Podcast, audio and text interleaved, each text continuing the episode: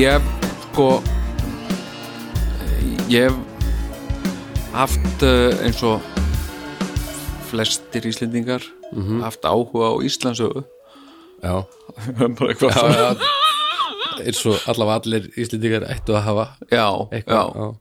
Nei, en hérna sko, og svolítið svona eins og Íslandsagan sem að sem að mér var kend og hef svona kannski haldið að mér og, og okkur uh, bæði beint og óbeint. Það er uh, það er sko landnám.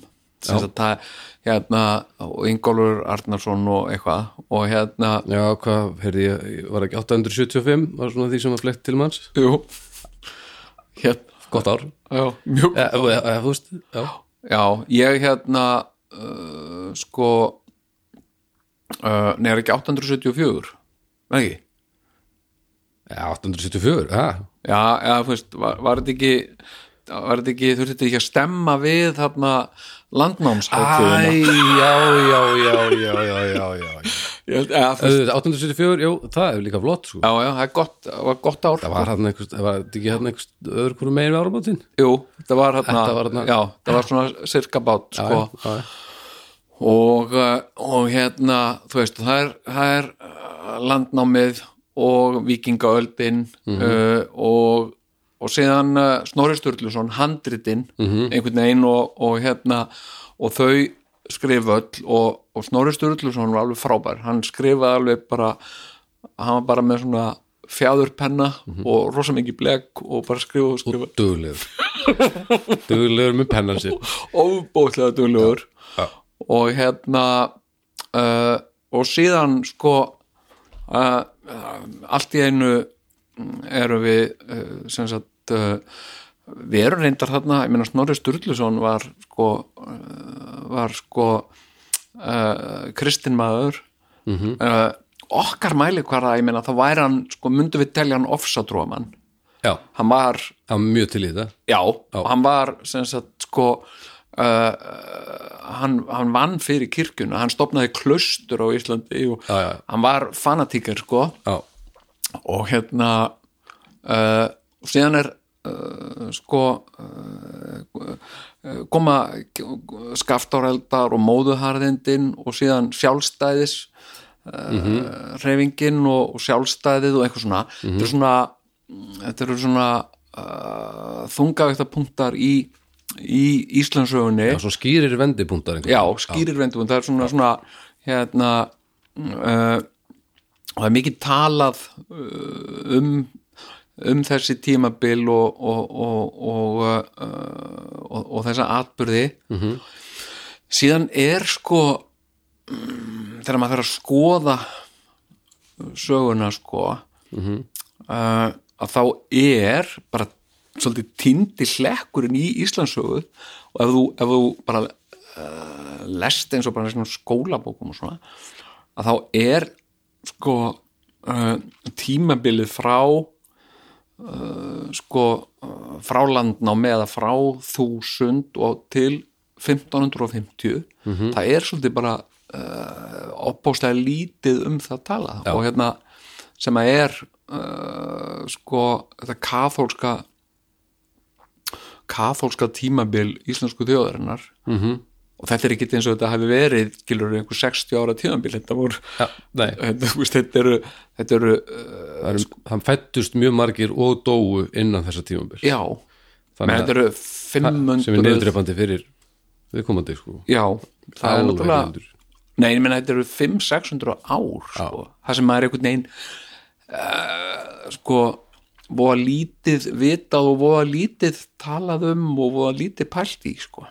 Og hérna ég hef oft veltið fyrir mér eins og með, með handritin mm fornritin íslensku. Það er náttúrulega algjörlega magnað að þetta hafi verið allt skrifað hérna og á íslensku. Það er náttúrulega hérna uh, það er eitthvað sem að ég skil ekki og Nei, þetta er annarkvort rosalega hugsun að vinna eða það verið bara helvít lítið að gera hérna já, einmitt. Það er annarkvort, það það er bara hérna einhver sem gerði sér grein fyrir mikilvæginu eða leittist alveg yfir þyrmulega Já, nein, ég menna, sko, en samt er þetta rosaleg fyrirhöfn. Ég meina Já, búa, búa til þessi skinn það þarf að, að þú veist, það þarf að vera með beitaland og það þarf að vera með beljur og það þarf að- vera með kálfa og það þarf að slátra og það þarf að verka skinnin og súta þau. Þú veist, og blek og það þarf að vera með borð og þetta er rosa skilur, þetta er, þetta er uh, umfangsmikil starfsemi veist, bara, Svo eru rittöfundar í dag grenjandi á kaffihúsum með, með fartölunum sína. Já, nákvæmlega. Ekki það, ég myndi held ég aldrei komast í gegnum það að skrifa bók þannig að ég ber- mikla virðingu fyrir rittöfundum já, en ég ber mikla virðingu fyrir þessum handritsöfundum líka. Þetta hefur verið full vinna sko. Já, þetta er þetta er alveg sko, og það er magna hvað maður einhvern veginn uh, uh, sko veit lítið um þetta, hvernig þetta einhvern veginn hefur verið. Já, og uh, og hérna og það sem ég vissi sko uh, ég vissi ekkert mikið sko um þessa klausturmenning á Íslandi. Ég bara vissi ekkert um þetta. Æ, hvað þá ég? Nei, veist, það er bara eitthvað svona einhverju staðir sem heita klaustur eitthvað svona mm kirkjubæðaklaustur eða eitthvað svona sem að hérna og eitthvað sagt já og hérna þarna var einu svona klaustur eða eitthvað svona hérna í flatei eða eitthvað bara svona, jú, það var hérna klaustur og eitthvað. Já, og, en ekkert þú veist, ég hef uh, lítið vitað um þú veist, hvar þessi klaustur voru hvernig þau litu út, hvað fólk var þarna og hvað það var að gera, sko. Já, algjörlega. Þetta er einhvern veginn hefur aldrei leikið inn í svona almenna vitnesku Nei. og það, er, og það er soldið út af því sko sko hérna að sko uh, íslenska þjóðkirkjan Mhm. uh, hefur ljóst og leint uh, verið sko mótfællin því að það sé verið að varpa aðtiklega á þetta uh, já. og af hverju? Bara, að því þetta eru já, já. Er það bara nóg? Bara já, til þess að, að vil ekki skoða söguna Já, það er eins og, eins og þjóðkirkjan segir þú veist, við erum búin að vera kristin þjóð í þúsund ár eitthvað svona, Já, já, skilur já, en, en, af því á ekki þjóðkirkjan nema bara helmingi. Já, það er, já, akkurat. Og hérna uh, Þetta fer svolítið með strítkreditið hjá þjóðkirkjunni. Já, sem sagt og uh, sko og, og sem sagt sko uh, kathólska kirkjan á Íslandi uh, hún var náttúrulega bönnuð sko henni var bannað að starfa hérna þangað til bara uh, á 19. og 20. stöld Mhm. sem fekk leifi til að koma afturinga já, uh, held ég vegna þess að það var ekki hægt að, að, að, að banna það lengur sko nei, ég menna það var brota á alþjóðlegum lögum þú getur ekki Já. sem sagt bannað einhverjum ákveðnum trúastofnunum mannréttindabrót það er mannréttindabrót sko og hérna, þetta er eins og hérna þú veist, við vorum með, með þau lög að- að útlendingar sem fluttu til Íslands og hafðu áhuga að jafnvel að setjast hér að og, og fá íslenskan ríkisborgararétt. Þau voru skildu til að taka íslenskt nafn, þau máttu ekki halda nafnunum sínum. Já, það er stutt síðan, það, því að breytt. Það er ekkert langt síðan að, að sagt, það fjall sko bara því að það, þetta fór fyrir mannréttindumstóla það má ekki neyða fólk til að afsala sér nafninu Eftir á að hugsa, þetta er galið sko. Ef þú vilt taka upp Íslandsnafn, geggjað. Já, já, En ætlum við bara ákveða það að þú verður að heita eitthvað annað en þú heitir bara því þú vil, vilt vera? Þetta Já. er alveg galið sko. þetta er galið sko og hérna uh, sko og þetta er, þetta er náttúrulega bara uh, þetta er bara ákveðin tegund af fasisma sko, Já, bara að, þvinga fólk uh, uh, í svona aðstæður. Sem sagt bara hérna, það er uh, uh, það er saga sem ég tekki að þessu. Sem að því að líka sko svo er í þessu að þetta er svona inkonsistent líka að því að Íslendingar eiga til að vera svolítið snobba fólk sko. við snobbum fyrir svona ákveðnum hlutum sko. Heldur betur. Já, Já, já, já, einhverju svona til dæmis svona frá útlöndum sko, og hérna sem sagt eh, hérna mm, eitthvað svona frækt fólk frá útlöndum sem er að koma til Íslands og, og hérna Íslandsvinnirnir já, Íslandsvinnur, tengda sonur Tengsta sonur Íslands já. Þetta er svo indislegt Þetta er líka, það er líka fallegt sko. já, já, þetta er alveg þú veist, þetta er uh, sko, svona íslensk þjóðinnisíkja er náttúrulega í grunninn opbóðslega krúll hún er skrútleg sko.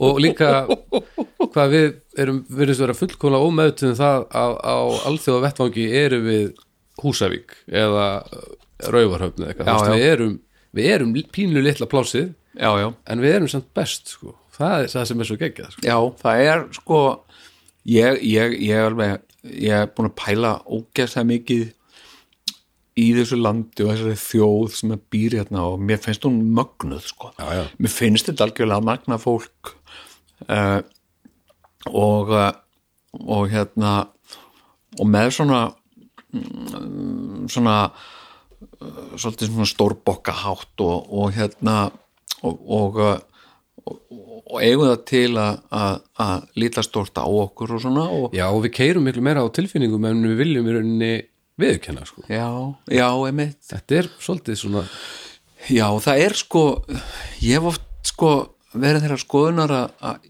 Ísland sé fyrst og fremst hugmynd. Já, Já, þetta er ákveðin hugmyndafræði og ég, ég sé margt líkt og ég myndi nú vilja einhvern tímann taka það sérstaklega fyrir sko. ég sé margt líkt með Íslandi sem þjóðríki og bara sértrúarsöfnuði sko. bara eins og mormónar í Júta. Skilur og Ísland. Það er svo margt líkt sko.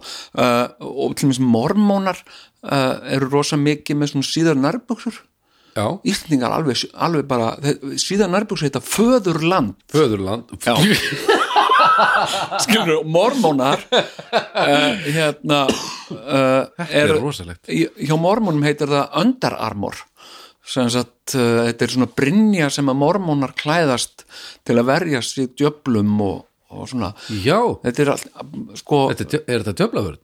já, þetta er svona sko, er skott að þetta er svona hérna brynja, underarmor já, að sem sagt þú fer með ég held að sé þannig, ég vona að ég sé ekki að fara með, með rangt mál og einhverju mormónar verði reið út í mig en ég held þú fara með nærbjöksutna þinnar til öldungana og öldungarnir sem sagt leggja hendur á nærbjöksutna þinnar og blessa þær til að, já. já, og er þetta þá bara orðið svona djöfla mýþrýl já.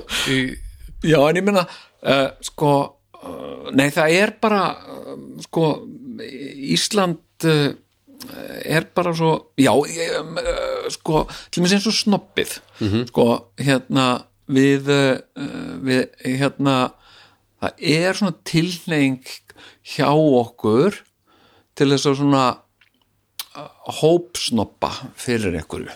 Það er að segja það er svona það er, það er bara allur almenningur einhvern veginn og það er bara meðtekið að fyrir þessu skulum við snoppa Já, núna. já, og við ætlum að snoppa fyrir þessu. Í þetta skiptið og hérna og sko uh, og hérna og það er saga af honum hérna Baltasar Samper eh, listmálara sem er pappi Baltasar Kormáks. Ok, uh, og ég, ég uh, hef ekki fengið hann að staðfesta uh, en, en hérna en hún er sagan segir sem sagt að, að þegar að Baltasar var búin að búa hérna á Íslandi í 7-8 ár og ákvaða að sækja um íslenskan ríkisborgarétt -hmm. að uh, þá komst hann að því að, að uh, það væri skilirði að hann tæki einhvað íslensk nafn eins og, eins og uh, Baldur eða eitthvað svona sem hljómaði svip og já, og, og hann bar fyrir sig að, að nafni sitt væri líka uh, sko brand, Já, það væri vörumerki. já, Já. að því hann er listamaður. Já, og hann uh, merti málverkin sín uh, og þess vegna var svolítið erfitt fyrir hann að fara að, skipta um nafn. Já ég er verra.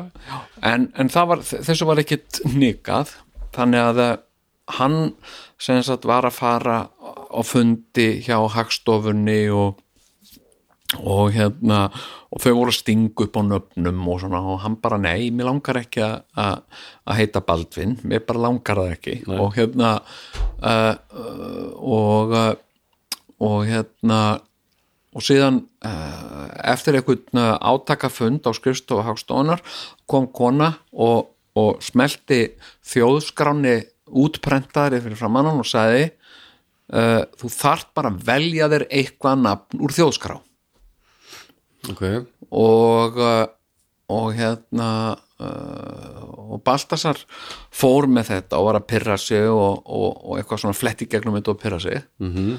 og svo fann hann nafn í íslensku þjóðskráni og uh, og mætti niður á skrifstofu hagstofunar og sagði ég er búin að finna nafn og hérna já, ok, og hvað er það?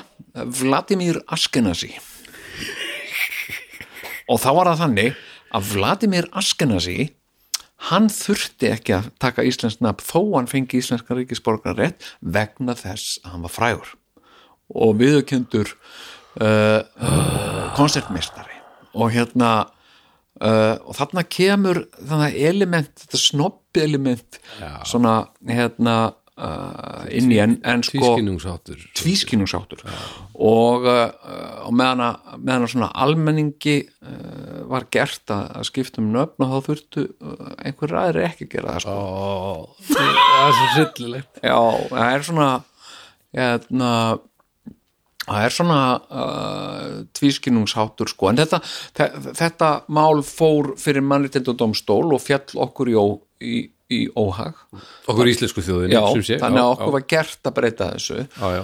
og hérna já, var það, er þetta málið?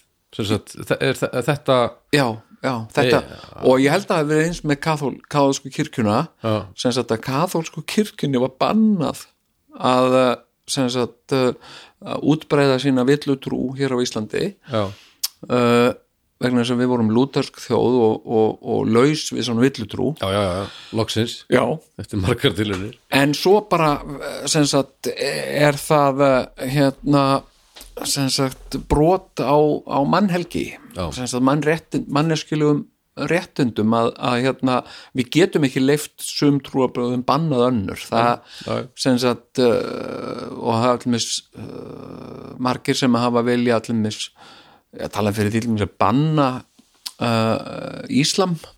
Já. það er nú ekki svo langt síðan sko. Nei, Já, og, uh, og hérna og, uh, og svona trúarbröð, það er svolítið merkilegt sko, hvað uh, svona trúarbröðum og ákveðnum trúarhópum hefur verið uh, sko útskúfað hérna svolítið. Já, ekki bara Kálsa kirkjan.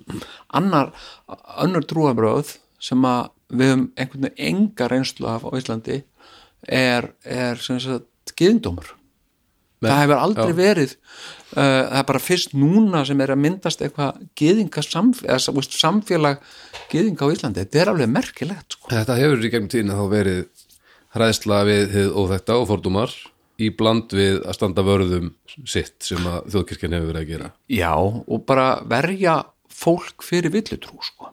semst að því að heldur að það sé í alvörinni það sem fólk ég var svo erfitt með að ég veit að ég það meina sko.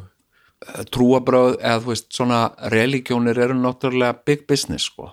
já, já, þetta, þetta er, er, þetta er, þetta er uh, hérna, þetta er snýst um peninga og þetta snýst um völd og snýst um áhrif já. ég, er ég hef aldrei að tilengja með neinn trúabröð þannig að ég, á, ég er Já, já. ekki með insinn inn í það hvað þetta gefur fólki þegar það er ólinn sko.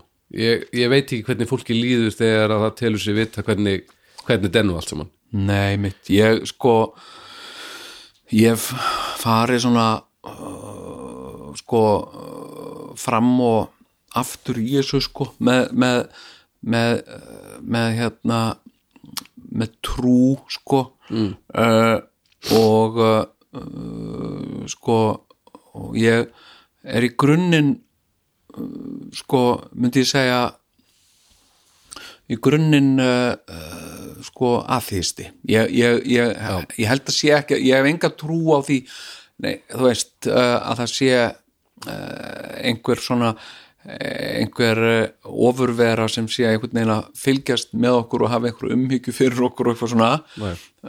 eða, eða sem sagt eigi eitthvað svona persónlegt samband við hver einustu mannveru eða hvað þá einustu lífveru uh, og ég hef alveg frá því að batn, ég kefti þetta ekki sko þegar ég var krakki sko uh, sem sagt að þetta gæti verið rétt sko, mér fannst þetta bara þetta bara uh, hljómaði ekki rétt sko. Og, uh, síðan hef ég oft velt fyrir mér þú veist uh, hvort það sé einhver svona mm, einhver, uh, hvað maður kallar það heimsorka eða meðvitund consciousness eitthvað eitthvað sem að ég get ekki skilðu eitthvað svona og ég útiloka það ekkert ég, ég, ég bara veit það ekki Þannig.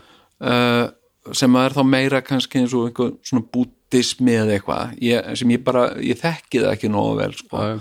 en ég hef gert alveg einlega og heiðarlega tilraun til þess að til að, til að þú veist uh, öðlast trú eða hafa trú og uh, og ég bara náði ekki sko Nei.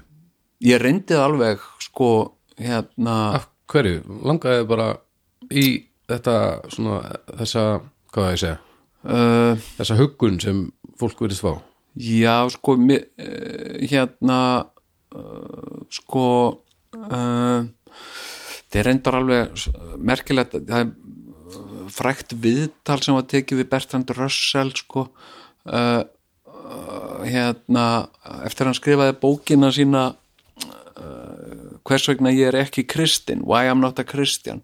Og, uh, og hérna, og, uh, og þar spyr þáttastjórnandinn en hvað með praktískt gildi trúar? Uh, þú veist uh, hvað með þá veist að fólk bara uh, trúi og líði betur? Skil, að, að líði betur að því að það hefur eitthvað til að trúa á. Og Bertón, ég man alltaf Bertón sem sagði, þú veist, það, það, það getur ekki verið að fólki líði betur, ef fólki líður betur á því að trúa einhverju sem er ekki rétt veist, það, þá er ekki, það er ekki gott Já, þá, er, þá er eitthvað annað að. Já, hvernig getur það verið til góðs að trúa á eitthvað sem er ekki rétt? Og, uh, og hérna en, en, en þetta er svona mm, sko uh, ég var svona uh, ég var ég var bara komin á uh, hvað, ég er búin að býða svona ákveðið skipbrott í lífinu. Ég var bara svona á, á, á alveg bara ömurlegum stað og uh, og hérna uh, uh, og fór að að, að sækja uh, svona fundi hjá tólspóra samtökum uh, sem sagt Alanon. -hmm. og uh, og hérna uh, og uh, og einhvern veginn og mér fannst það alveg uh, uh, mér fannst það alveg gera mér gott. Og uh, og uh, sko og og síðan var einhvern veginn inntak, inntakið í í tólsporakerfinu er svona spiritualt eitthvað. Það er, það, er, það er ekki trúarlegt en það er svona spiritualt. Já. sem sagt uh, sporin uh, sem sagt uh, leið okkur uh, sem sagt til Guðs eða æðri máttar samkvæmt skilningi okkar á honum. Já, já, já, og sko og svona grunninn er þetta mjög uh, sko kristileg hugmyndafræði. Tólspora, þetta er, þetta er bara svona uh, þetta er úr svona Þessi spor eru bara svona uppgjör uh, á lífinu hinga til. Þetta er svona ákveðin aðferðafræði til að takast á við vanda Já. að, að í rauninni játa ósigur, gefast upp -hmm. og byggja einhver aðri máttarvöld um að gera þetta fyrir þig. Já, út á, ja, veist, og, Já, og, já. og ég meina uh, sko uh, og það hefur óneitanlega virkað fyrir fullt af fólki það er að segja fó, til dæmis bara uh, sko ódreipandi drikkjumenn hafa hætt Já. geta hætt að drekka og bara farið að vinna og verið svona nákvæmlega og uh, og, uh, og án þess að verða eitthvað svona ofsatrúar fólk sko. ja, og ég meina ég sko og ég hugsaði bara ok, kannski er þetta þú veist, kannski er það þetta sem að er að koma mér alltaf í ógangur í lífinu. Einhvern veginn að ég næ ekki fullum árangur að því að ég er alltaf uh, að því ég er svona skeftískur á allt svona. Kannski, kannski þar ég að sleppa takinu á því. Og ég bara uh, sem sagt uh, fór í svona trúar leðangur ég bara ákvað bara, ég ætla bara bara, þú veist, ég ætla bara að verða trúaður og bara, þú veist hérna, rosalega ákvörðun já og bara, ok. já, og Hvað valdur þér? Hvað sér þau? Hvað valdur þér? Aldur? Nei, hvað valdur þér? Hvaða trú? Já, vel- ég var katholiki Ah, já, Já, kallar menn hvernig valdur það? Var, var það uppáhalds eða kastaður upp á þetta? eða hvað? Uh, nei, mér fannst það bara svona mest uh, solid, sko, Ok. af öllu, sko Ok. og hérna, það var svona í áfengum og, og hérna og ég varð uh, katholiki og uh, og það dugði í einhvern smá tíma eitthvað. Ok, og uh, og síðan komst ég að því skilur að ég uh, sko, ég gat ekki uh, þetta. Ég, ég sem sagt sko og, og þetta gaf mér heldur ekki það sem að ég hafði einhvern veginn er væntingar sem ég hafði til þess það gaf mér heldur ekki Nei, nei, nei, uh, hérna þannig að að hérna uh, já ég, uh, ég, þetta var þetta var svona tvekja þryggja ára tímabil sko. Já, ok. Og uh, Það er vel gert sagt sko að því að já, nú er ég mjög ótrúaður og hef verið alla tíð. Já. En ég stend bara hérna og bara þetta er allt bull og fólk á ekki að- hérna vera þetta með, er bara bull. að vera með einhverjar hækjur sem er ekki til og bara, þetta er bara vitleysa. Ég er bara þarna, en ég hef aldrei farið svona inn í þetta, ég hef aldrei gefið því sen sko, og skoða þetta jafn djúpt og þú þannig, Nei, nei, þannig að það er vel gert sko. Ég er Já. bara að tala með raskatinu sko. já, ég, ég hérna eða þú veist, nei, ekki bara með raskatinu en, en af því að þetta er náttúrulega bull. En, en, en þar fyrir þetta skilur, þá, þá er ég ekki bara að láta reyna á þetta sko.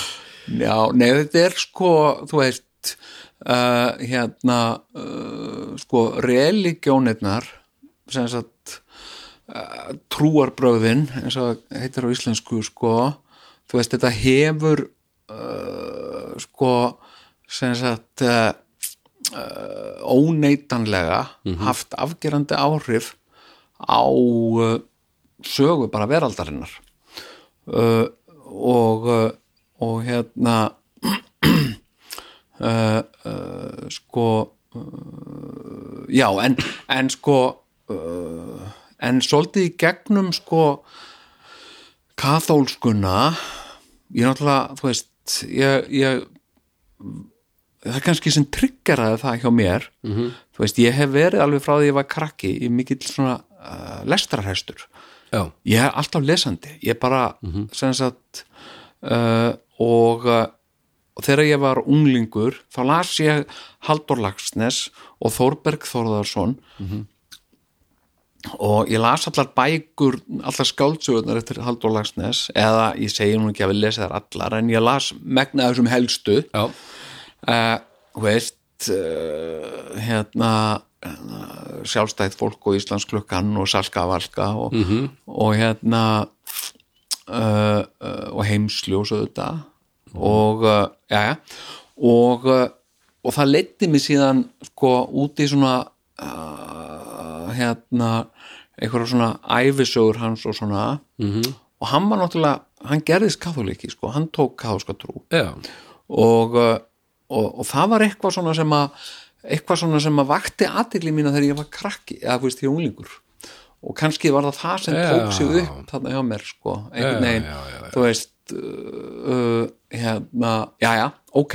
En hérna uh, en sko uh, ég hafði aldrei einhvern veginn almennilega gert greinarmun á, á þjóðkirkjunni og katholsku kirkjunni, þetta var bara eitthvað skilur við bara já svona, svona, svona fyrir utan fyrir þann sem stendur aðeins fyrir utan þetta þá er þetta bara aðeins öðru í þessu hús og, Já, já. og öðru þessu búningar já, og, og hérna og sveifla og sveifla ekki og reykur og eitthvað. Og stuttir bara svona áherslumunur.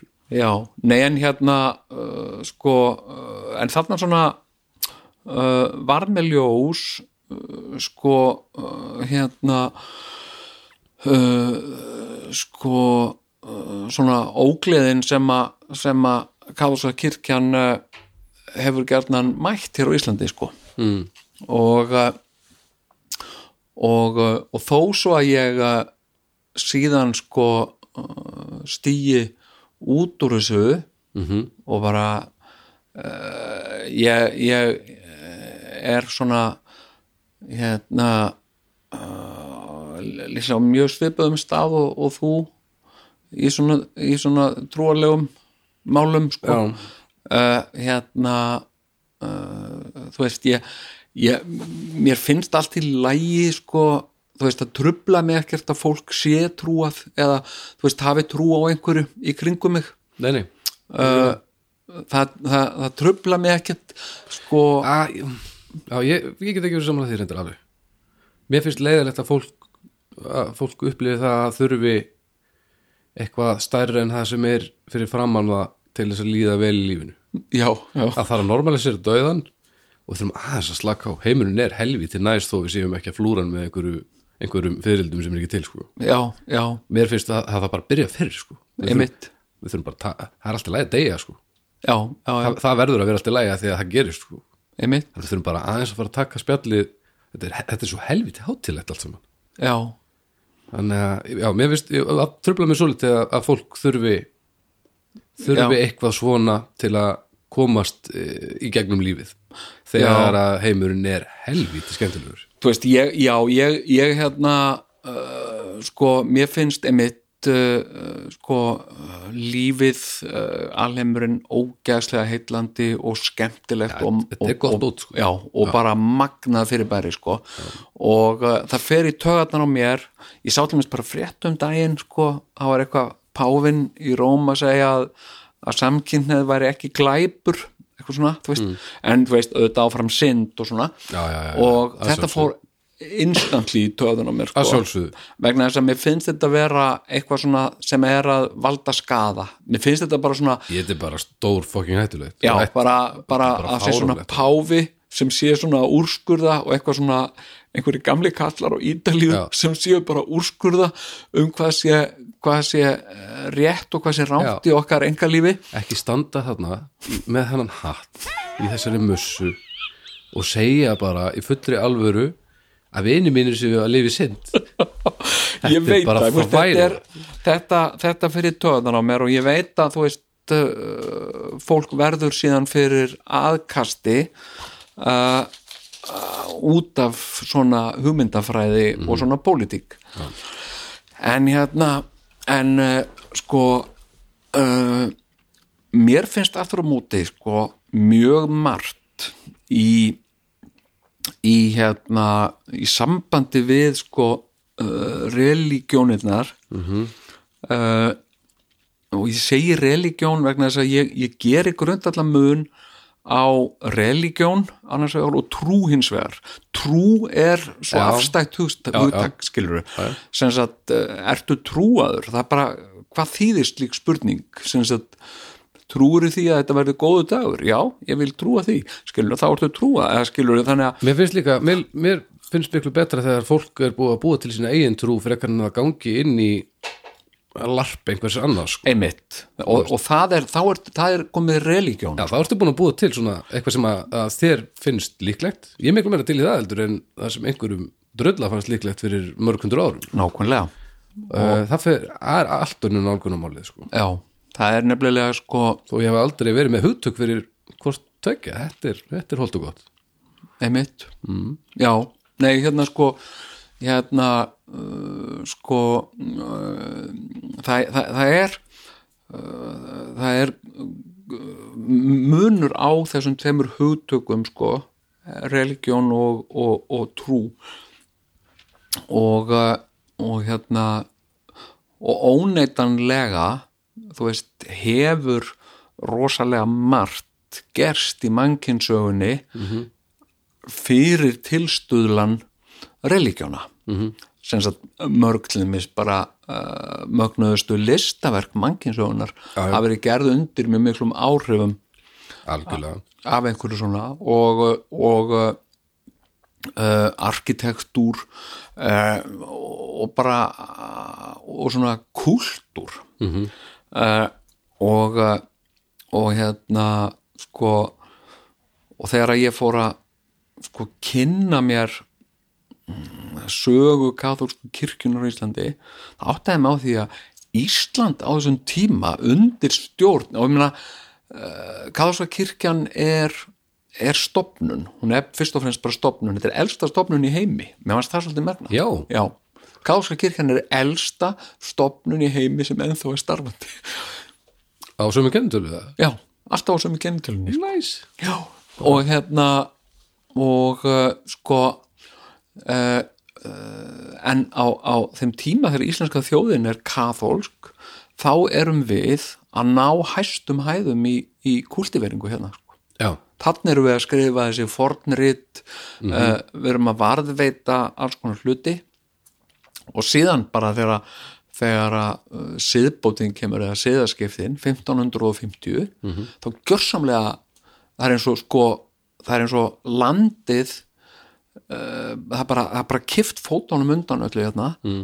og, og við förum bara aftur ja, aftur í gamla Já. Já, við förum bara, okkur fer alveg gríðarlega aftur eftir það og hérna uh, og ég ég, ég fekk svona sko, fekk svona áhuga fyrir hérna uh, uh, sko eiginlega að byrjaði þannig að ég var einu sinni hérna var einu sinni þarna upp í landakoti -hmm.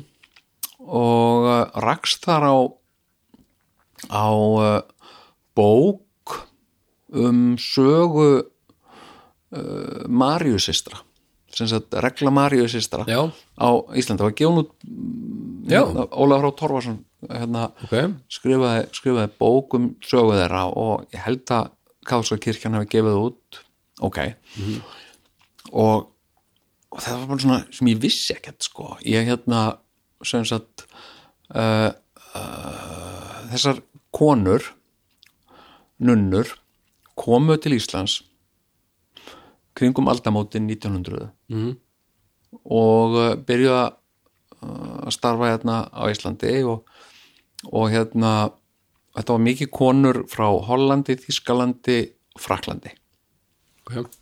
Og, uh, og hérna uh, og þær uh, höfðu mikinn áhuga og svona köllun eins og nunnur sem sagt á svona líknarstörfum. Eða svona að hjálpa bástöddum og, og, og það var nóg af svoleiðis liði hér já, nú til frammi. Þetta var bara voru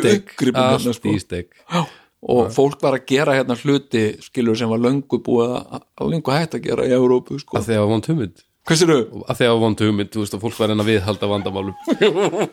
Nei, menna, þú veist, það var mis að, að, að gera hluti eins og það var að sem sagt uh, uh, fara út sko til dæmis með með, með kúkopiss í fötu Mhm. og hella í kamarinn ná svo í vatn í sömu fötu og, Já, já. og fara með inn og fá sér að drekka. Nota ferðina. Já, nota ferðina. Já, svo hættu við að nota ferðina að því að það var svo sillilega lélega hugmynd. Já, en nunnurnar komu og þær segi hei, hei, hei, þið með ekki gera þetta þú veist, að þið eru að bera það er ennþá alveg kúkur og piss í fötunni. Ha, en ég skóla hana, já, það er ekki nóg.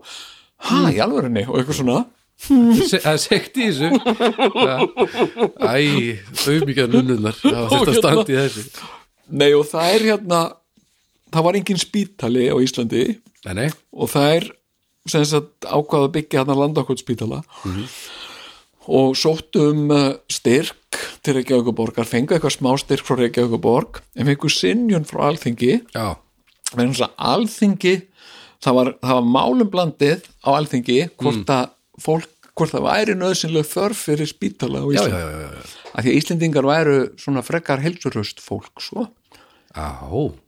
og þannig að landakot spítali er byggður fyrir söfnunafér frá Evrópu það var sem sagt Wow. þetta var peningar sem að nunnur betluðu í Fraklandi og Þískalandi og byggðu spítala hérna fyrir það og síðan náttúrulega fengum við hennan spítala -hmm. en ég man ekki eftir að hafa nokkuð um að séð eitthvað, þeim hefði verið eitthvað þakkað en eitt og það finnst miljulegt sko. já, ég held að þetta maður þakka þessum nunnum sko. já, mér finnst bara hérna uh, sko takk og- fyrir að ég sé ekki að drekka kúk byrja einhverju svona bara já, en ég meina þú veist, þetta er svona kultiverað fólk og líka annars en nunnurnar gerfi sem ég hafði ekki hugmynd um sko hérna nunnurnar mm. þær voru e, einstæðar. Þær voru ekki, Æ, já, ekki eh, nunnur eru mjög sjaldan í já, sambandi. Já, Í það er svolítið nunnið er svolítið að, nei, eh, já, sleppa það, þeim legg. Þannig að það voru sjálfstæðar konur Já. svo var annað með það líka það voru mentaðar flestar af þessum nunnum voru uh, háskólamentaðar já, já, sem þótti ótrúlegt á þeim tíma sérstaklega á Íslandi þar sem að konur sem sagt, kannski í besta falli fóru í húsmaðaraskóla já, já, já, og uh, þannig að þær höfðu líka mikil óbein áhrif á uh, sem sagt hverjindarhefing hverjréttindarhefingun á Íslandi. Já, já. og hérna, já, já.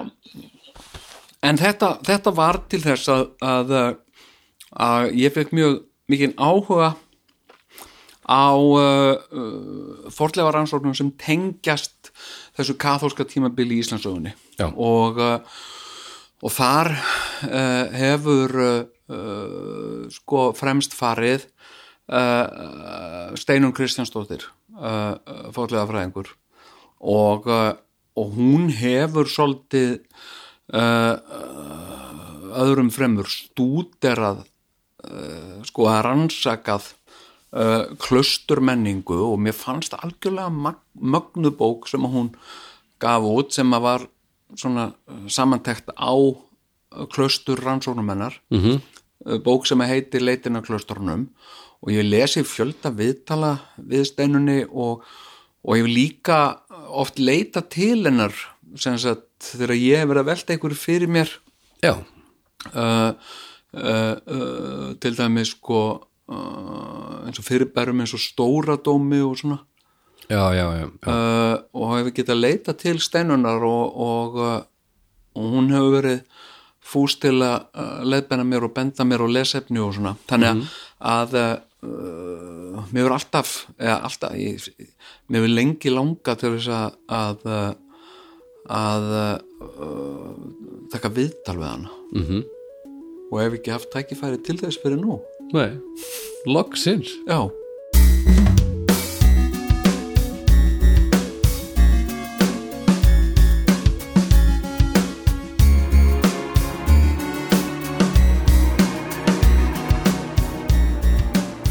Uh, já, komiði sæl og blessuð og velkomin til Gnarristan.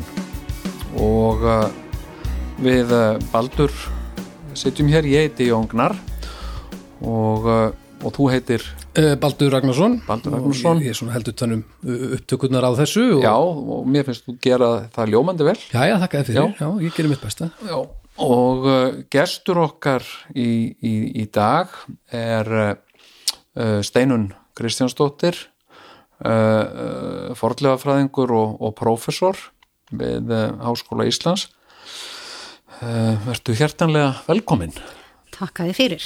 Já uh, Þú uh, sko uh, þú hefur nú uh, þú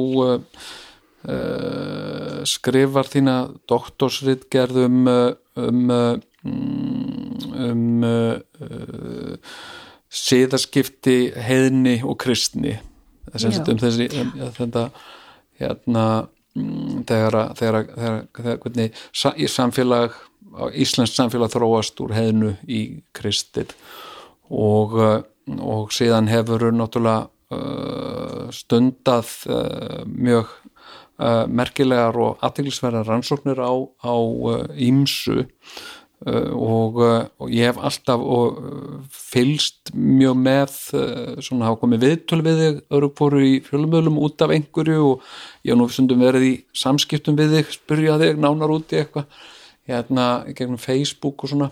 Uh, og uh, uh, síðan fyrir nokkrum árum gafst út bók sem byggir á, á, á rannsóknum uh, þínum á, á, klausturum sem að uh, hérna, bók sem heiti Leitin að klaustrunum sem að var bara uh, sko fyrir mig var mindblowing sko, mér fannst þetta mér fannst hún algjörlega hvenær kemur svo bók út 2017 kom hún. 2017 Já. Já, hérna uh, því að uh, og ég verð að segja sko ég var nú búin að sjá eitthvað, eitthvað umfjöllun uh, um, um þetta áður sko uh, en síðan þegar ég fekk bókin í hendurnar og fór að skoða hana sko þá varð mér innanbrjóstuna að svipa eins og þegar ég kom eins og ég hef talað um þegar ég kom fyrst til Færeja mér fannst ég alltaf upplifa eitthvað hlut af Íslandi sem ég vissi ekki að væri til. Og hann veginn alltaf bara farið fram hjá mér. Og hérna en, uh, en hérna uh, uh, en ef við byrjum bara sko, byrjum bara á uh, heiðni og kristni hérna mm, hvað heitir þetta? Siðaskipti?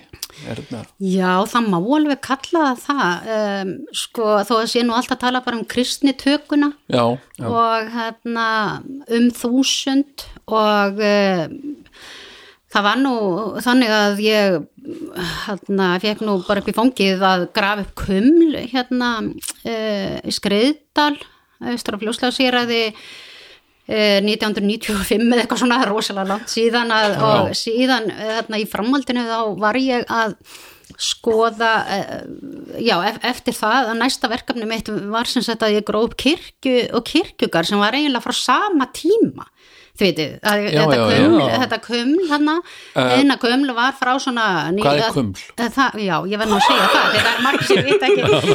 Hérna, hérna, já, þið verður að stoppa mig ef ég segi eitthvað sem er algjörlega bara eitthvað fortleifska eða eitthvað reynum það að- er kuml, það var nú Kristján Eldjátt, fortlega fræðingur og fórseti vor fyrirvændi, að hann heitin, hann hérna, kom með þetta nafn á á heiðna grafir, það er, það er sem sagt til dísjar Já. og það er til grafir og það er til kuml. En kuml eru grafir úr sem sagt heiðnum sið. Já, dísjar eru bara grafir utan kirkjugars Já, aha, og eru frá öllum tímum og, og Eins og stengudys. já, eins og Já. Mhm. stengudis og hérna já, það er ímislega sem ég get nú sagt um hana en það er Já, sagt já. dis þeir sem voru disjaði fyrir utan kirkjugar og hérna, já, þannig að kuml en þetta er sem sagt kuml úr heiðnum svið Mhm. og þarna er bara eitthvað sem við myndum kalla viking eða eitthvað þannig og Mhm. ég, hérna, mér er nú ekki mjög vel við vikinga en þarna var sem sagt maður grafin með já það er nú alveg satt þetta með vingana. Að, hérna, með sverð og bara allar græjur í, og hestur með í fullum reyðtíum það komur reyndar í sér í ljós þetta var trippi sem er mjög mörgjuleg sem var, hann var grafin með. En hann var hérna með bara og þetta er eitt svona þetta er svona fjölbreytasta flóra af svona haugfjö, þetta er kallað haugfjö það er sem sagt það sem er grafi með. Já, já, í kumlum.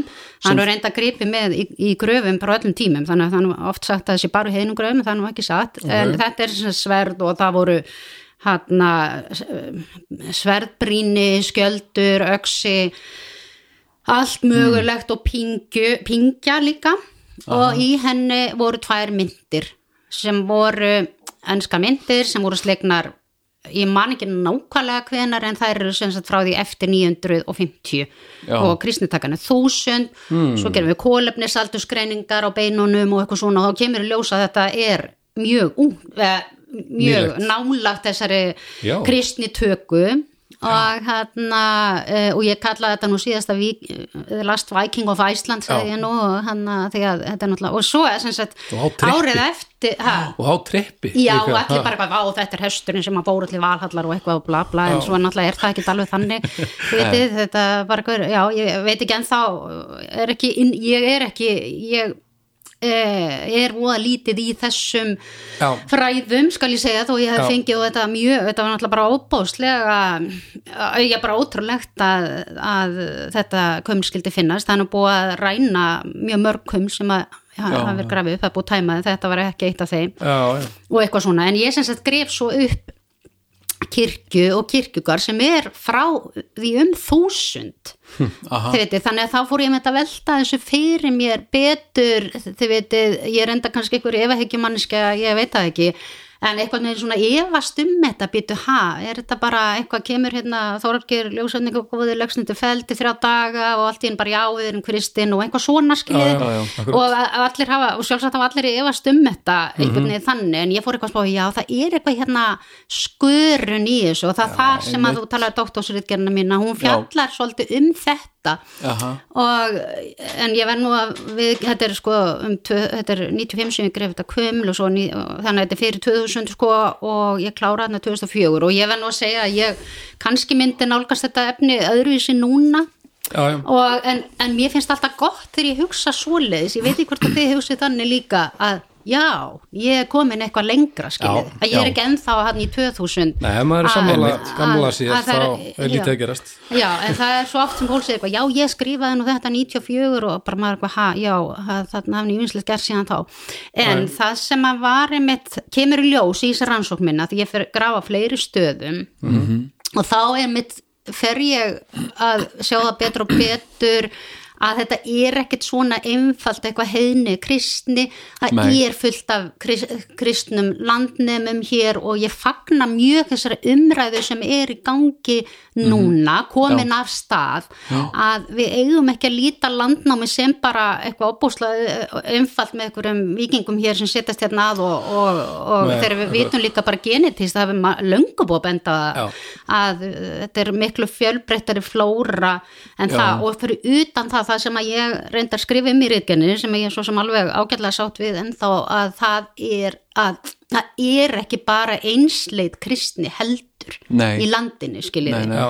af því það kemur frá hann Breitlandsegjum, uh, Írlandi, þar er svona ungi af, uh, og síðan er aftur þessi svona bara kristni sem kemur frá Skandinavíu, það er komin sko erkibiskupstóli norður í, í Hamburg Bremen sem að Íslendinga tilhæra síðan um, hversu árið þúsund. hversu mikill munur er þá á þessum Það er enda kannski ekki mikill munur á kristninni, þannig held Nei. ég, ég hef ekki skoðað alveg en þetta er, Mhm. er bara svona meira einstaklingsbundin tilbeðsla, eitthvað þannig að það er kirkja, aðeins, meira olbúður í mig til En þess að hitt þetta er já. þessi skandina sem kemur gegnum erkibiskupstóli, það er meira svona skipulagt uh, ákveðna gerða kirkjum Já, já, já, já. og með alla græjur, þið vitið, alltaf steina og eitthvað svona, fleiri sko. reglur, fleiri svona Já. en það það, var nú, það var nú einhver sko, uh, sem sagt keltneska kirkjan Já. Mm. sem var no Norðurbretlandi og, og svona á, á svona uh, nokkuð stöðu undanhaldi undan Róm,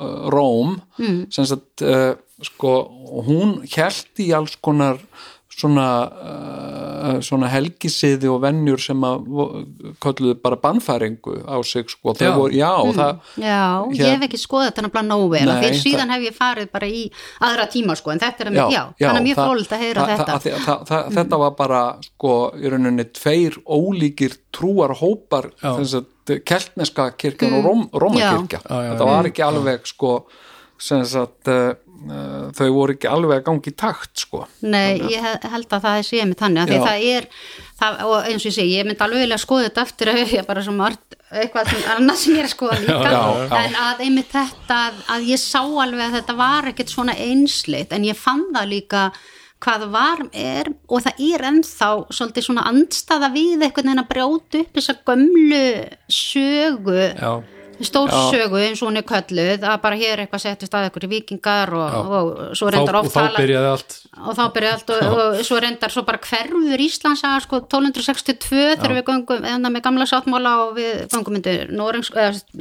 stjórnvald en Já. það er náttúrulega Rómakirkja sem stjórnar þetta mjög miklu. Og svo bara byrtist ekki sagan einhvern veginn fyrir en einhvern tíma bara sjálfstæðisbaráttunni. Já. bara einhvern veginn eins og þetta hverfi en það er bara og ég veit ekki ég veit af, ég held ég veit af hverju þessi saga hafi orðið til svona.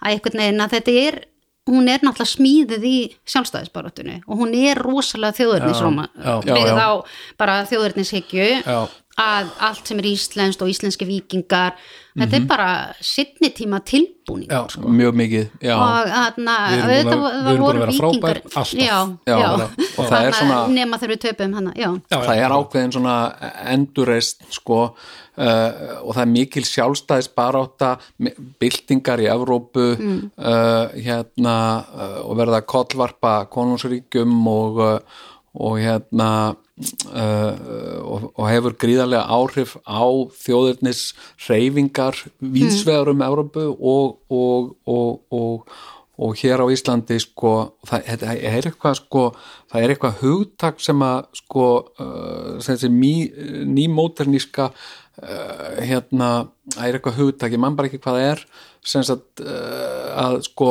að endur nýta sem sagt vikingaöldina sem sagt Já.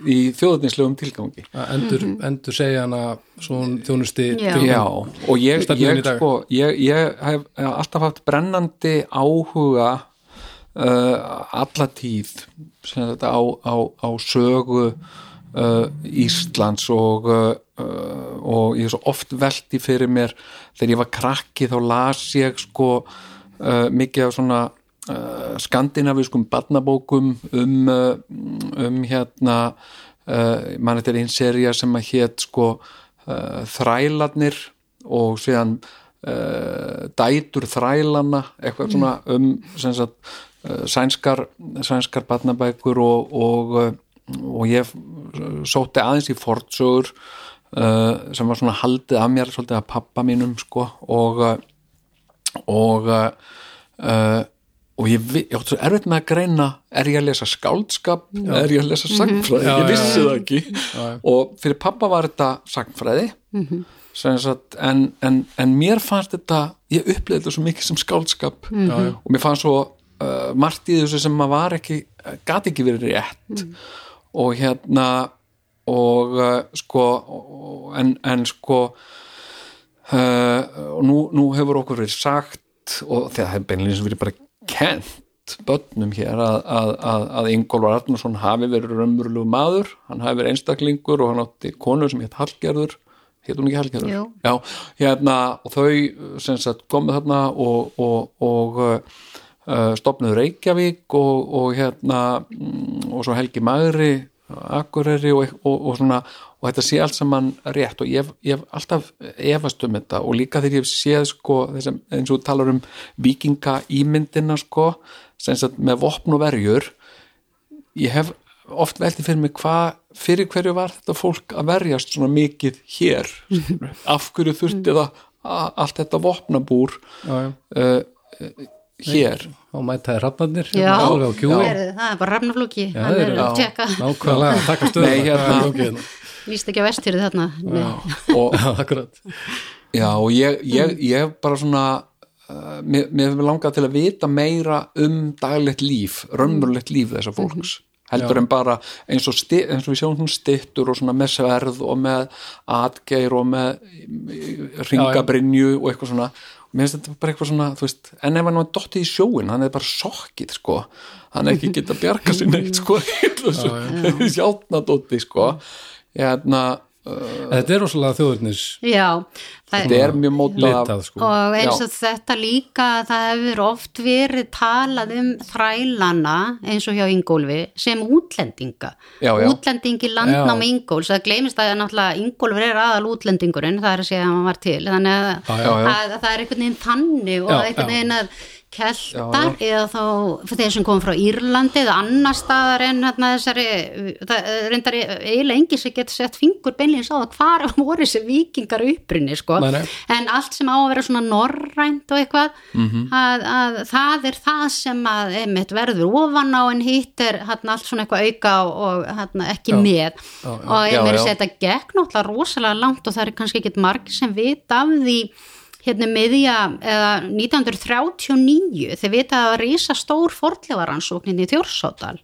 Uh, en stærsta fornleifaransókn sem hefur farið fram sko, vil ég meina, það voru grafnir upp einhverjir sex bæir, þetta er enda bara með skóplum og þessum, þannig að það var þetta spænu upp eitthvað, en þannig eru þjóðminna verðir frá öllu Norðurlöndunum, nema Finnlandi.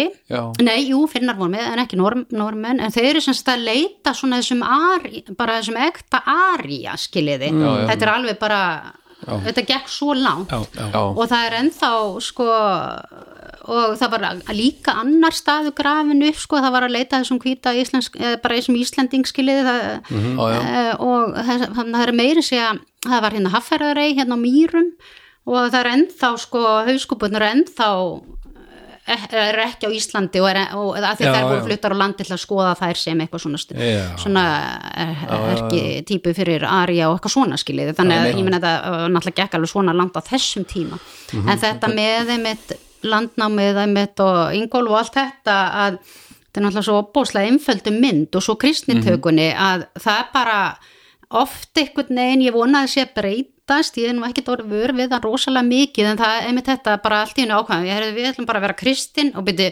hvernig vissu þið hvað kristni var skiljiði og eitthvað og hérna eins og þetta sé bara einhver uppfinning undir feld á alþingi skiljiði Mhm. árið þúsund heldur að þetta er náttúrulega við því við erum partur á stærri Já. veröld og, og ég meina og Ísland hefur ekkert verið einangrað vegna þess að höf einangra ekki mikið. Það er hefur verið frekar auðvelt að komast hingað, já, vil ég meina alla tíð, en ég Já, já. hérna eftir að Ísland bara uppkvitaðist, en það er Þá sko einmitt þetta þannig já. ég held að þið sjáu Íslendinga fá þarna undanþáur Mhm. þið vitið, frá að máttu borða hrossakjöt og bera út börn og, og blót og laun, var það ekki þetta þrenn býtu undan frá frá hverju? Þið vitið, hvað, va, það hlýtur af eitthvað kerfi sem er að fá undan þá bara eitthvað, sem, nei við ætlum að gefa okkur undan þá frá okkar eigin eitthvað. Einhver staðar mátti þá ekki ber út börn. Nei, og þarna, þannig að Já. þetta er bara eins og gangi Evropasambandi, skiljiði.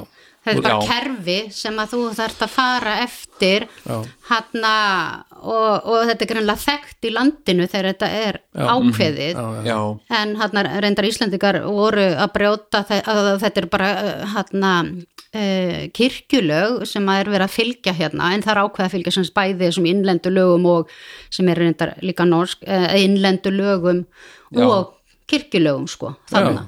og það eru fleiri lönd sem fá svona undanþáur ég meina, já, eh, þá frá frásakett sátu eitthvað svona, það er ekki bara og er það þá hugsað sem aðlugunatími eða er það Já, eitthvað þannig, mér fannst þetta bara Já, eins og já. þegar svíjar fengu undan þá frá snusi og eitthvað svona í Já, Europasambandi, ég meina það er alls já. konar undan þá það bara það er allir að nota snus. það er allir að ber út börn. Við verðum að, lefa svo við með- sko. Hægt að ber út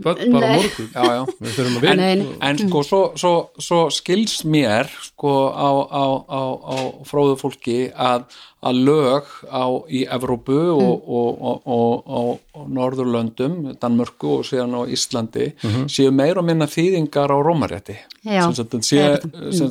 Þýðingar sem sagt uh, úr, úr frá, frá á lögum frá, frá kaðursku kirkjunni sko, og til mis frasin með lögum skal land byggja er beinþýðing Mm. Já. bara, úr, Já, já. já, latnesku frasi sem, sem, sem, Nei. Þetta er þannig og hefur verið lesið til dæmis þarna, því ég nú er að velta fyrir mér föstunni og svona Já. það er reyndar hérna, hérna lagabolkun sem að Átni Þóllagsson fekk samþýttan eitthvað 1271 eða eitthvað þannig ef þið lesið það um föstuna, hvað mátt borða þú mátt ekki borða skóabjörn og eitthvað svona, þið veit ég, það er talið eitthvað svona sem að er ekki maður, já, höggormar, já, passa á höggormunum og eitthvað þarna Já. já, þannig að maður er eitthvað, já, þeir voru ansi Þannig að- Helviti voru það er bara ef maður lesið þetta sjáu þið bara að þetta lítur eitthvað þýðing og er þá svona samræmt eitthvað, já og, Já, já, og þetta þannig að þetta er ekkit uppfinning á Íslandi og einhver sem eins og ég segi, fatta ekki bara upp á ekki- þess að vera kristin hérna, vonandi ekki Nei. ákveð á þingullu sko. og fyrir utan það að það er einhvern veginn, svo í gaggrinu þessa stórsögu sem einhver stað var til að ég meina það er einhvern veginn líka allt og lítið gert úr þessu mun á katholskri kristni og lúteskri kristni sem er Já, já. eftir síðaskipti, það er töluveri munur og mikla samfélagsbreytingar þá líka alveg eins og þegar er hérna ákveð að taka kristni sem er náttúrulega stjórnfastleg ákvörðun já, já. og ge- hefur breytingar för með sér. En hérna að það einhvern veginn vantar svolítið inn í þetta þetta er katholsku tími sem fer í hönd þarna sko. Já, og hérna og Rómakirkja hefur rosa völd hérna og víða, smátt og smátt og meir og meiri og sérstaklega eftir að staðmálum En það sem að mér finnst sko svo uh, heitlandi að, að lesa, lesa mér uh, til um, um rannsóknir. Eins og þú segir hérna uh, að Ísland hafi ekki verið einangrað og, og uh, sko þegar ég er að lesa um uh, siglingar fólks á, á þessum landnámstímum uh, sjöttu, sjöndu, áttundu öld eitthvað. Uh, hvað þetta hefur verið rosalega uh, úthugsað fólk hvað það hefur ráðið yfir margslunginni og magnari siglingartækni uh, og, uh, og, uh, og verklagi að smíða skip sem að var ekkit smáraðis fjárfesting á þessum tíma, ég meina þetta er bara eins og tógar í dag, sko. Og hafa þessu áhöfn og sigla þessu sem sagt eitthvað út á og, og í, í mörgum uh, eins, og, eins og í landnámi bók eða, eða Íslendingabók það er svona, þá ég vil oft svona er, uh, er eitthvað að sigla eitthvað og svo lenda þeir rakningum og rekjast og villast hinga og eitthvað svona. En ég held að, að það sé mjög skýrt að það veri bara bara verið ákveðin vilji að sigla hinga í einhverjum ákveðnum tilgangi. Uh, uh, og, uh, og það hafi bara verið reynur klár útgerð sem að bara var kostaði mikið og, uh, og en, en uh, hérna hafið að gafa af sér einhvern, einhvern arð og síðan þetta að, að síðan siglingaleg hérðan og til Grænlands uh, hérna og, og eins og mér sýnist vera koma upp úr eins og þessum uppgreftir þarna uh, í stöðafyrði að þarna hafi verið einhver sem sagt uh, verslunar uh, stoppistöð fyrir Grænland uh, og alveg út í miðausturlönd. Uh, hérna, það, það sýnir mann bara að þetta er útpælt fólk og þetta er svo mikið business. Þetta er bara fólk sem er að vinna eins og Íslendingar er mjög gjarnan að vinna og búa sér til einhvern business úr einhverju. Og, og hérna uh, þannig að sko Uh, uh, og nú svona já, hérna týndi ég, þræði sem ég var að segja en hérna, hérna en það er svolítið oft talað um já, nei, ég meina kristnin. Já, það sem ég er að menna, kristnin sem sagt það að þú merkir þig, eða mm. skipin þín Já. eða þitt fólk með kristnum táknum er skilir þið fyrir viðskiptavelvild velvild á já, sagt, og þetta er líka eitthvað svona sem sagt að við höfum, move. við höfum eitthvað ákveðið tákn. Við vitum kannski ekkert hvað það er. En við þurfum að vera með þetta sem sagt, uh, Európa-sambandsmerkið sem sagt, en Já, já. svo ef einhver spyr okkur hvað er Európa-sambandið ég, ég veit Já, það ekki alveg skilur. það er eitthvað svona en, en það er alveg greinilegt að það fyrir þetta landnám ég er alveg sammála því að maður getur talað um landnám í setni hluta nýjönda, nei, já upp úr 850 60 eða eitthvað. Eh, að, að, að, að það var vitað að, af þessu landi eða þessari eigu Já. áður. Já, já. vegna þess að, að sko það er, greint á svona gróðurfars rannsóknum og svona það er ekki byrjað að þið veitir nema land og byggja eitthvað fyrir nefnir þarna upp úr uh, já, þarna, já upp úr þessu þess sem er vel að tala um landnám eitthvað 860 eitthvað þannig. En það er einmitt, það er búið að finna fortleifa sko fyrir þann tíma en það er virðist ekki verið eiginlegt landnám. Þannig að fólk vissa við Já, já, já. og það er eins með færejar það er vist þarna löngu búið uppgöta náttúrulega eins og norranni menn koma náttúrulega ekki á Grænland en það er náttúrulega er fólk á Grænlandi á þessum tíma. En, já, já, en svo er svolítið merkilegt þetta með mér finnst líka að, að sko þessi norranna byggð á, á Grænlandi eru bara Íslendingar á Grænlandi já, það, og það eru já, já. klaustur þar eins og nákvæmlega sömu reglum og Íslandi já, já, já. og þau eru alveg eins og það er eins óknir og eitthvað svona en það er einhvern veginn, mér, ég hef ofta tilfinningar að viljum veginn ekki telja það með einhvern veginn, Nei. ég veit ekki hvað þetta er en, nei uh, ég hérna sko, já, nei, minna, mér finnst svo margt í þessu sko eitt sem að ég man bara eftir því mér var krakki sko, sem sagt uh, það var hérna, þegar Ingólfur Arnarsson er að koma siglandi til Íslands og hann flegir út öndvegisúlunum sínum. Og, uh, og ég var svona að spurja pappa hvað eru öndvegisúlur og hann var að segja mér það. Og, og, og hérna og við áttum bók, myndabók frá, frá Norður-Ameríku það sem að voru það sem að frumbyggjar í Norður-Ameríku voru búin að skera út tákn í svona trésúlur. -hmm. og pappi síndi, hann sagði öndvegisúla var svona það sem að fólkið var með sem sagt, uh, það sem það skráði fjölskyldusögu sína. Ég hef síðan ekkert fakt tjekka þetta þetta er bara eitthvað pappi sagði.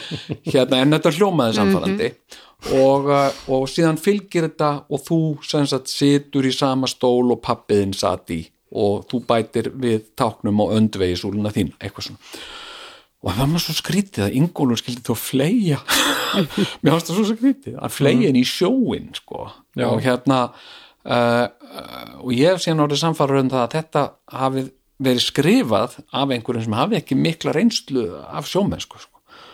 þess að uh, hérna að, þessi siglingatakni ég meni, mér finnst þetta svo skrítið ég hef aldrei heyrt um sem sagt að þú fleir einhver í sjóin og, og þar sem þar er að landi þar sé einhvern veginn briljant fyrir þig að vera sko. ég bara Já, já. einhvern veginn ég, uh, hérna, eins og hafur ekki vitsmunu til að meta hérna hef ég aðganga fesku vatni þarna er Já, já, já. uh, timbur eða eitthvað skiluru heldur bara fylgir einhverju rekaldi. Mér finnst það miklu meira miklu vanmeta skynsemi óþarfa- þessa fólks. óþálega mikið haftrætti með að að það er engin annar að sko. Já, já, einmitt. Já, nei og svo bara sko, Já, það sem það að bara er eitthvað það sem að fylgir líka þessari uh, svona þessari, þessari vikinga uh, tali öllu er einhver svona sem er líka á einhvern hátt te tengt þessari nýromantík á vikinga mm -hmm. vikingatímabilið eða vikingöldina, hvað við kallum þetta.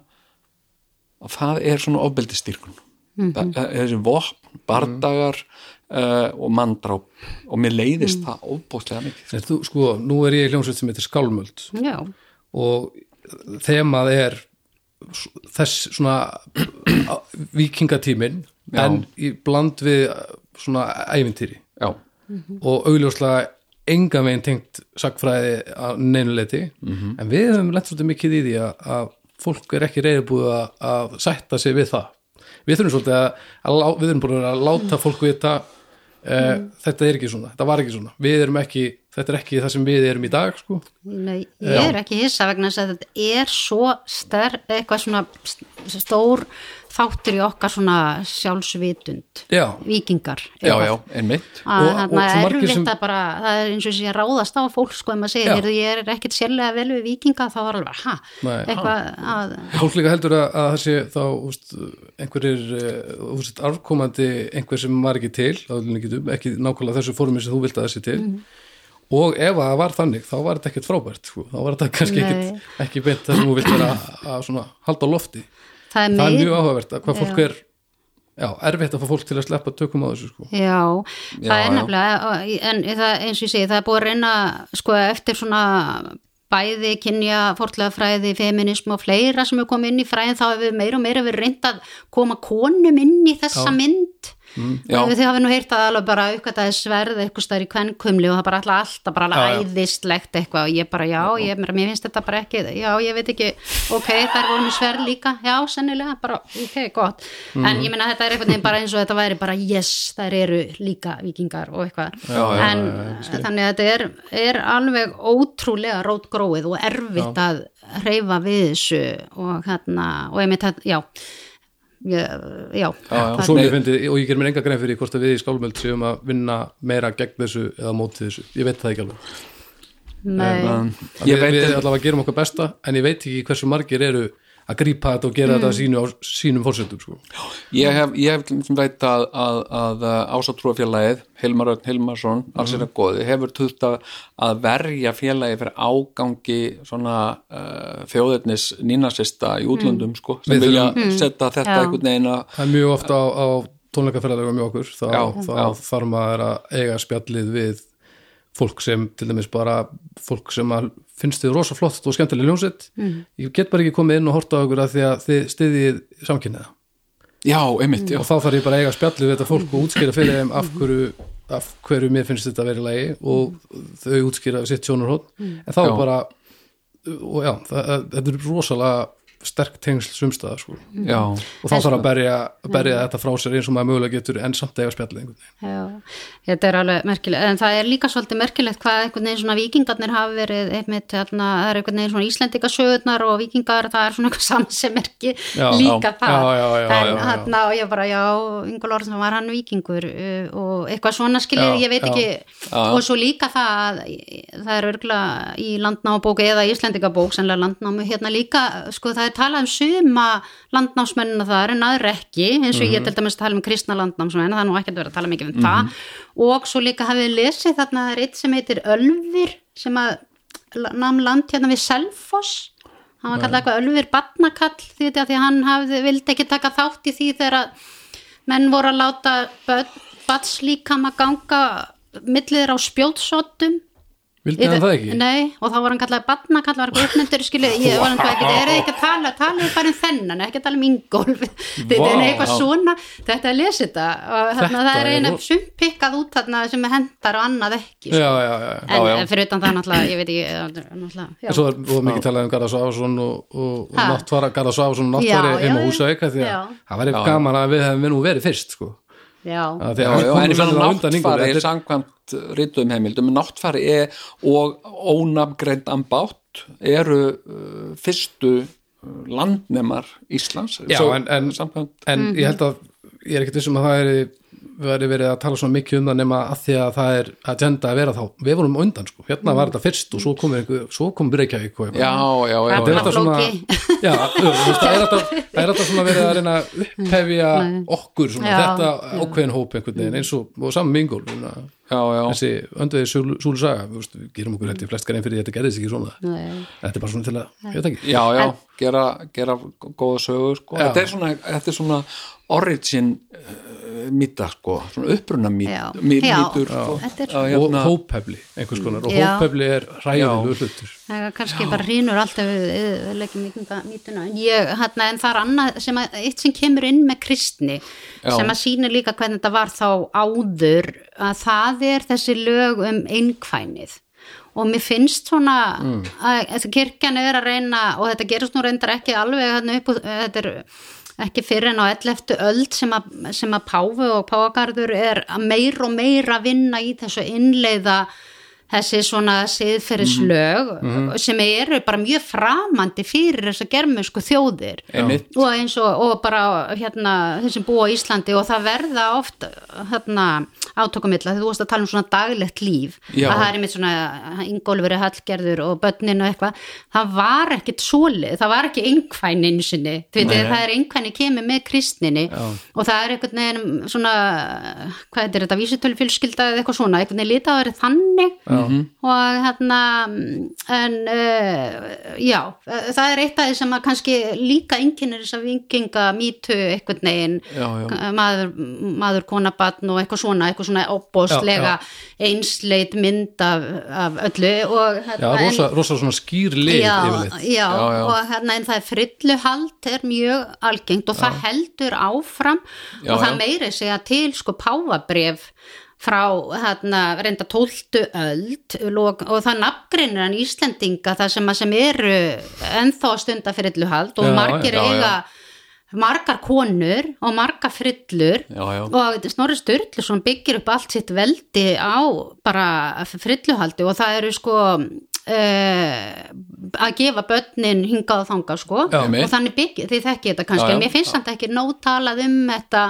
og þó að þetta kemur líka fram bara eins og í lagstæla sögu Já, já. hérna eh, já uh, hérna, já, konur eru gefnar aftur og aftur skiljiði því það eru já, já. feður, bara samkvæmt lögum að það eru feður sem að hafa ráðstöðuna rétt yfir börnunum sínum, þetta er náttúrulega Já. dætur en svo reyndar með eftir, eftir kristnitöku þá er stendur, því að við kannski segja þetta í lögun stendur bara ef að dóttir vill ekki vera gefin, þá Mhm. getur hún gengið í klaustur og gerst nunna og Já, þá nýtur hún fríðhelgi sko Einmitt. og, Já, já. og þannig að það var gert og þannig að það er bæði mm. og stelpur sem gera þetta Já, og já. fara út úr þessu kerfi en, en, Já, já. en það, hérna, hérna, það, hérna orðtæki betur er að vera frilla góðs mann sem Já. gefin vondum já og svo, ég, ég meina að það er samt ekkert verið- já, við Já. hlutum þetta frábæð svo líka Já. þetta ungvari gefin njáli. Þú veist, þetta eru 14 ára börn sem er gefn í alvörinu og hérna nú bara stóli hún með hvað heitir hún á Helgafelli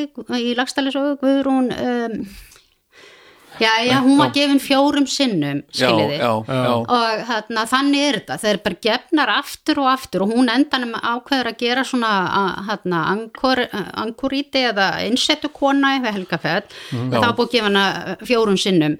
Um, og þetta þannig, ég meina og, og Já, dýrast og það var náttúrulega verið að gefa frilludætur eins og bara frægast kannski ég menna Snorri Sturluson gaf eina frilludóttu sína bara vini sínum í Vassfyrði við djúp hérna, hún 14 ára hann 60 og hún flýr þið vitið, Mhm. Já, já. hef ekki lesið um þetta og ég las, já, ég las þarna sko þarna Ingu Huld Tákonadóttur hérna Já, fjarrislíu hjónasengur hún er stórkostleg Já. það var líka bara svona það var bara svona eins og ég hef bara slegin utan Já, undir, sko. en Ég svo var að- bók var svona eins og heit bara allir bara, hvað er að gera við þetta þú veit, þetta passaði ekki inn í söguna já, já. sko. en það heitir hún Já. já, já, já. Og hún ég var, já. en hún, já mér fannst hún bara algjörlega brilliant alveg bók, já. Var svona bók sem kom við hjartað í mér sko. Já. bara alveg bara hérna, og það er einmitt bara saga kvennfólks á Hmm. Íslandi bara hvernig sem sagt Hmm. uh, hvað gekk raumurlega á Já, Bara- bara, veist uh, uh, hérna og uh, einmitt þessi, þessi frillu dót og, og hérna og hérna og, og, badnungastúlkur sem voru bara gefnar Mm. bara eins og við sjáum í einhverjum uh, löndum sem að við viljum alls ekki líka okkur við sko í dag Nei, en þessar, Hérna- þessar undar þá voru á lögunum veitum við hvað þær voru lengi gildi hvað sér þessi? þessar, þessar undan eins og með með það, það fór mjög, það var ekkit ég veit ekki nákvæmlega en það, þetta fjall úr gildi fljótlega sko. Já, fljótlega, ok. Já, þannig að þetta var eiginlega bara svona fyrst svona eitthvað aðlöðun að ferli ykkur slags Já, já. allir maður myndi kalla það, ég veit það ekki. En já, en þetta bara skiptir rosalega miklu máli með þetta bara að skoða bara svona eins og þú veist að tala um hvernig var bara daglegt líf og eitthvað svona Já. að, að með þetta að konurnar er í rauninu veru svona skiptimynd í því Já. í að byggja upp svona veldi. Og en maður verður samt að taka það til greina að þær voru náttúrulega þáttakandur í þessu vegna þess að þetta er samfélagsgerðin var svona skiljiði Já. annan Eh, já, þannig að, að, að hérna, og náttúrulega frægasta dæmi sko um svona, þetta náttúrulega var út alla miðildir, það eru held ég tveir biskupar hérna á, á miðaldum sem ekki áttu börn. Þeir voru allir hérna áttu börn og fylgikonur, þeir kallaði það fylgikonur þeir mátti ekki giftast, en hérna eins og bara með Jón Arason, ég minna hann var hálsökum með sonum sínum og fólk kannski byrjuðu akkurat hann síni, þið vitið maður mátti ekki giftast Já, og já, ekki. já, já, en hérna, það er veginn svona ekkert verið að velta því mikið fyrir því og svo líka dóttir hans hún Þórun, mér finnst hún alveg svakalega merkileg. Hún var nú gefin eins og uh, alltaf með stelp með uh, konur, mjög ung, hún var með þess að ge, gefin hérna sinni príjósins í skriðuklaustri, yfirmannsins Já. sem áttum heldur ekki að börnin hann sem átti hérna svon og hérna þetta var, ljóta þetta var súpan. samkomulag á milli hans hérna í skriðuklustri og svo Jón Sarason að þeir voru að gera upp eitthvað, eitthvað, eitthvað, mál og sagt, þetta er nú líki bókin hennar Ingu Huld já, já, já, já. en það er svo merkilegt hennar Þórun að því svo deyr hann, hann fór sér að voða, var með lásboga hann var alltaf að að tala um að engi vopn verið til í landinu á miðöldum en hann var sem sagt með lásboga og skaut, skaut sig voða skoti, mjög sorglegt en, og hérna, hún gefin aftur já. en hún var alltaf eitthvað víst vildi eiga einhvern annan mann og þessi okay. deyr nú líka hann nú oft sagt að konurnar hafi nú staði verið svo svo hún er gefin í þriðja sinn en síðan þegar að pappin er hálsökvin og bræður hennar líka þarna Já. að þá giftist hún eins og manni já. já. Að því þá reið hún sér já, hún hefur fengið að ráða því, ég veit Já, ekki en mér minnst þetta bara mjög merkileg saga og ég segi Þórun mjög merkileg. Já, Já, Nei, er hérna sko, en, en hérna uh, síðan sko uh, bara eftir kristnitöku, eftir þúsund, þá byrjar uh, klustur uh, tímabilið er ekki, klustin byrja að byggjast eru þau Jú, það er eiginlega fyrsta klustri sem er mjög, sem er mjög merkilegt og er sjaldan talið með, það er bæjarklustur í Borgafyrði. Já. Það er 1029 sem Já. að það kemur hérna enskur svona farandbiskup, ég held að mig kalla hann það, Benediktína munkur sennilega eh, og hann stopnar þetta klustur hérna bæ í Borgafyrði Já. og hérna eh, og þá er svona þá er náttúrulega engi biskupstóll hérna í landinu og eitthvað svona hefur greinlega ekki verið mikil grundvöldu fyrir að vera með reyka svona klustur af því það síðan fer hann af landi brott sko 20 árum síðar. Já, Já, og hann tekur við Abington klustri á Englandi, þetta er mjög frægur maður, Rú, Ok, Rúðólfur hérna, Rú, Rúðólfur, já. Og það er enda deyra nokkrum mánu setna sko, það, og það saga hans er mjög vel þekkt og, að, og þannig að þetta er mjög merkileg tilraun til stopnuna klustur sérna, Já. og það er svipu tilraun gerð í Nóri og hérna En já, skilur að hann, þá, er, hm, skilur hann þá eftir þó að hann fari, skilur hann eftir einhverja munka þarna? Já, á- það á- er sagt að það sé ekki hann hafi gert það en hérna við vitum bara allt og lítið um þetta en, en hérna já, en síðan er það sko fyrsta klaustrið svona sem að já uh, já, það tekst að stopna klaustur, það er þingira klaustur sem er 1133 Já, og það verður alveg rísa stopnun já, og það eh, samtals voru stopnuð hérna 14 klaustur. Já, og það eru þarna tvö, eða kannski má segja þrjú svona höfðingja rekin klaustur uh, sem, sagt sem bara höfðingjar taka upp og setja einn stæmi að stopna eigin klaustur og sem að reyndar lifa ekki af, það er hérna Sörbæja klaustur og, og Kjeldna klaustur og svo eins náttúrulega við eða klaustur var þannig að þess Snorri Sturluson stopnaði það og hérna með Þorvaldi Gísurasinni það er nú svo sem frækt og líka þeir skiptist þarna á konum, þetta var í, í, kaupunum, það er Já. bara í samningnum Já, já. en hérna uh, já, þannig að það verður þetta klaustur hald verður mjög öflugt hérna myndi ég segja og þetta eru um rísastofnanir og, Já. uh, og ég, ég myndi átta mikið á okkur það hefur, þetta hefur ekki verið svona, þess, en þetta er náttúrulega partar á þessu tímabili sem að er eiginlega bara svona gati í sögunni sko, Já. já, en það er ofbáðslega mikið til um þessi klustur í, í Já, bara forbreyfasafni, heimildum og fortleifum náttúrulega. Og, og ég vil meina þetta hafi verið stopnanir og það hljóta hafi verið þetta hafi verið eins og bara lítil þorp já, og hérna já, já, já. eh, og, Af já, og, og- og ég meina ha, já, en eins og, eins og sko uh, að lesa um uh, eins og því að lesa hérna leitina klöstrónum og, uh, og, og þú segir, þú veist, þetta er eins og þorp. Það er einmitt svona myndin sem ég fæ að þessu. Þetta er svona eins og bara, þetta er ekki bara stopnun, þetta er svona samfélag. Þetta er bara, þarna eru lærðir og leiknir, þarna eru uh, uppeldisstopnanir eða mentastopnanir, það er, það er framleysla einhver yðnaður, það er búskapur uh, dýrahald Uh, og síðan er kirkju náttúrulega helgihald uh, og uh, þetta er líka einhver vísir af einhverjum svona vistheimilum fyrir, fyrir aldraða. Mm þarna hlýtur að vera uh, mötuneyti eða matarframleista eldhús og uh, veist, eins og, og hérna, þingararklustur hvað hva heldur, hvað ég myndir að verið margt fólk þarna? Svona sem hafi ég, ég held að hljóta að verið allt í hundra manns á þessum stærstu klausturum og ég hef nú verið að reyna að reyna það út svona út frá fjölda diska og alls konar Já. eða Já. bara ímislegt, það er að nota ímsar formúlur og bara þegar er verið að reyna út hérna, fjölda manns á venlulega heimil, eða venlulega heimil bara, já, bara sem kannski meðlúsheimilum á miðaldum að þá er nota sko skeppnufjöldi og við erum með þessar upplýsingar. Og það getur ekki að- og venjulega eru þeim eins og þú segir bæði leikil og lærðir og þessi lærðu og þá erum við að tala um sko nunnur og munka.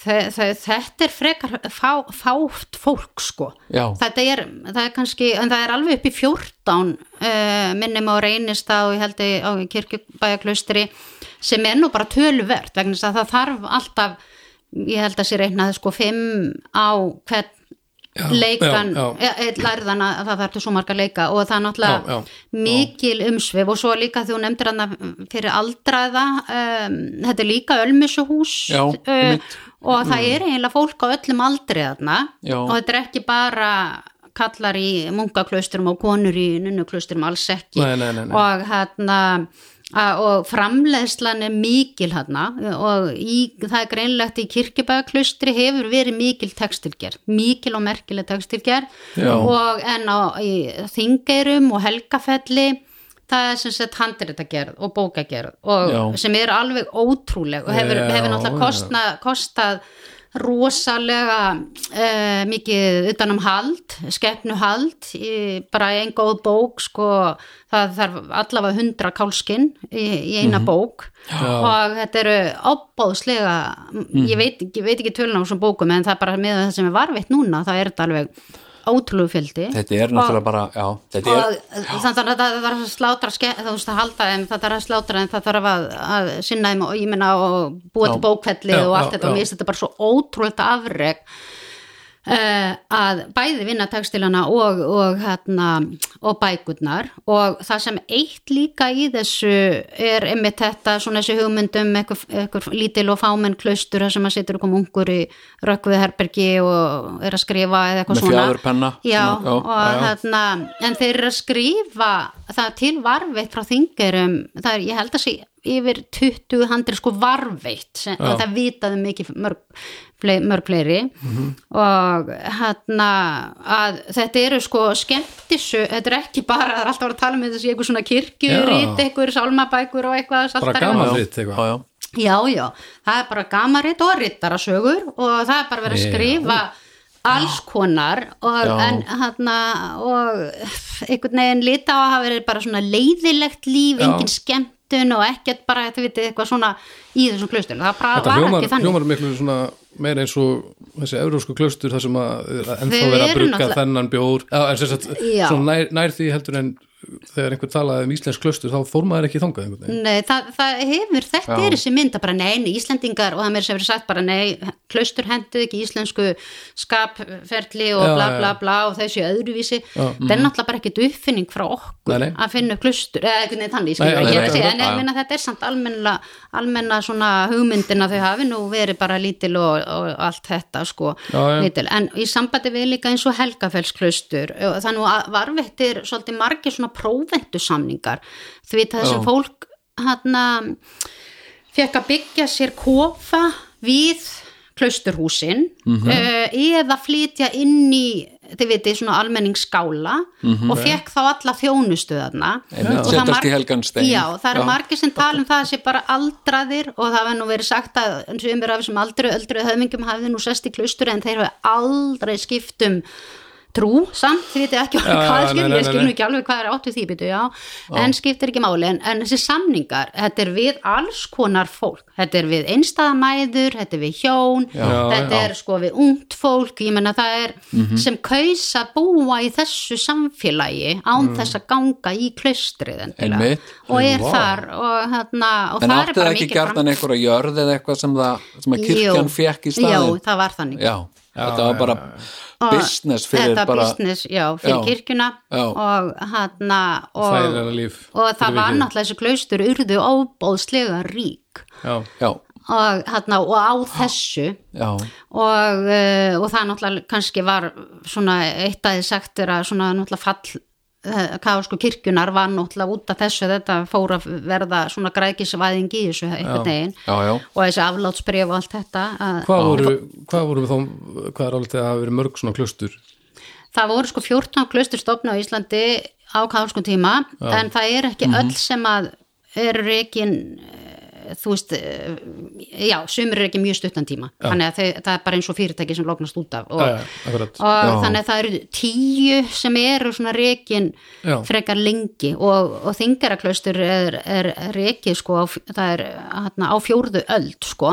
Já, og eins og kirkjubæjaklaustur sem er nú fyrsta nunnuklaustri sem er stopnað hérna að það er það, er, það var hérna, stopnað fyrir aldamundi 1200 og það er rekið í meirin 300 ár já, já og ég vil meina að þetta hafi verið stærsta kvenna stopnum sem nokkuð tíman hefur verið rekin á Íslandi mm. rekin í margar aldir Já. og hann það er mjög merkileg tekstilframleiðsla þarna sem ég tel að hún gæti hafi verið bara verið varningur sem var fluttur til útlanda mm -hmm. kirkjuklæði og, og allt mögulegt og hann og ég menna það eru já, Já. þetta er risa stór stofnun vil ég meina og fyrir konur og við sjáum það bara á, á, lík, á dýrlingum og líkneskum eða það er til dæmis kirkjubæjabók hérna sem eru sögur dýrlinga. Já. uh, uh, og þá er ég að tala um svona þess að alþjóðu dýrlinga það sem sagt fólk sem að,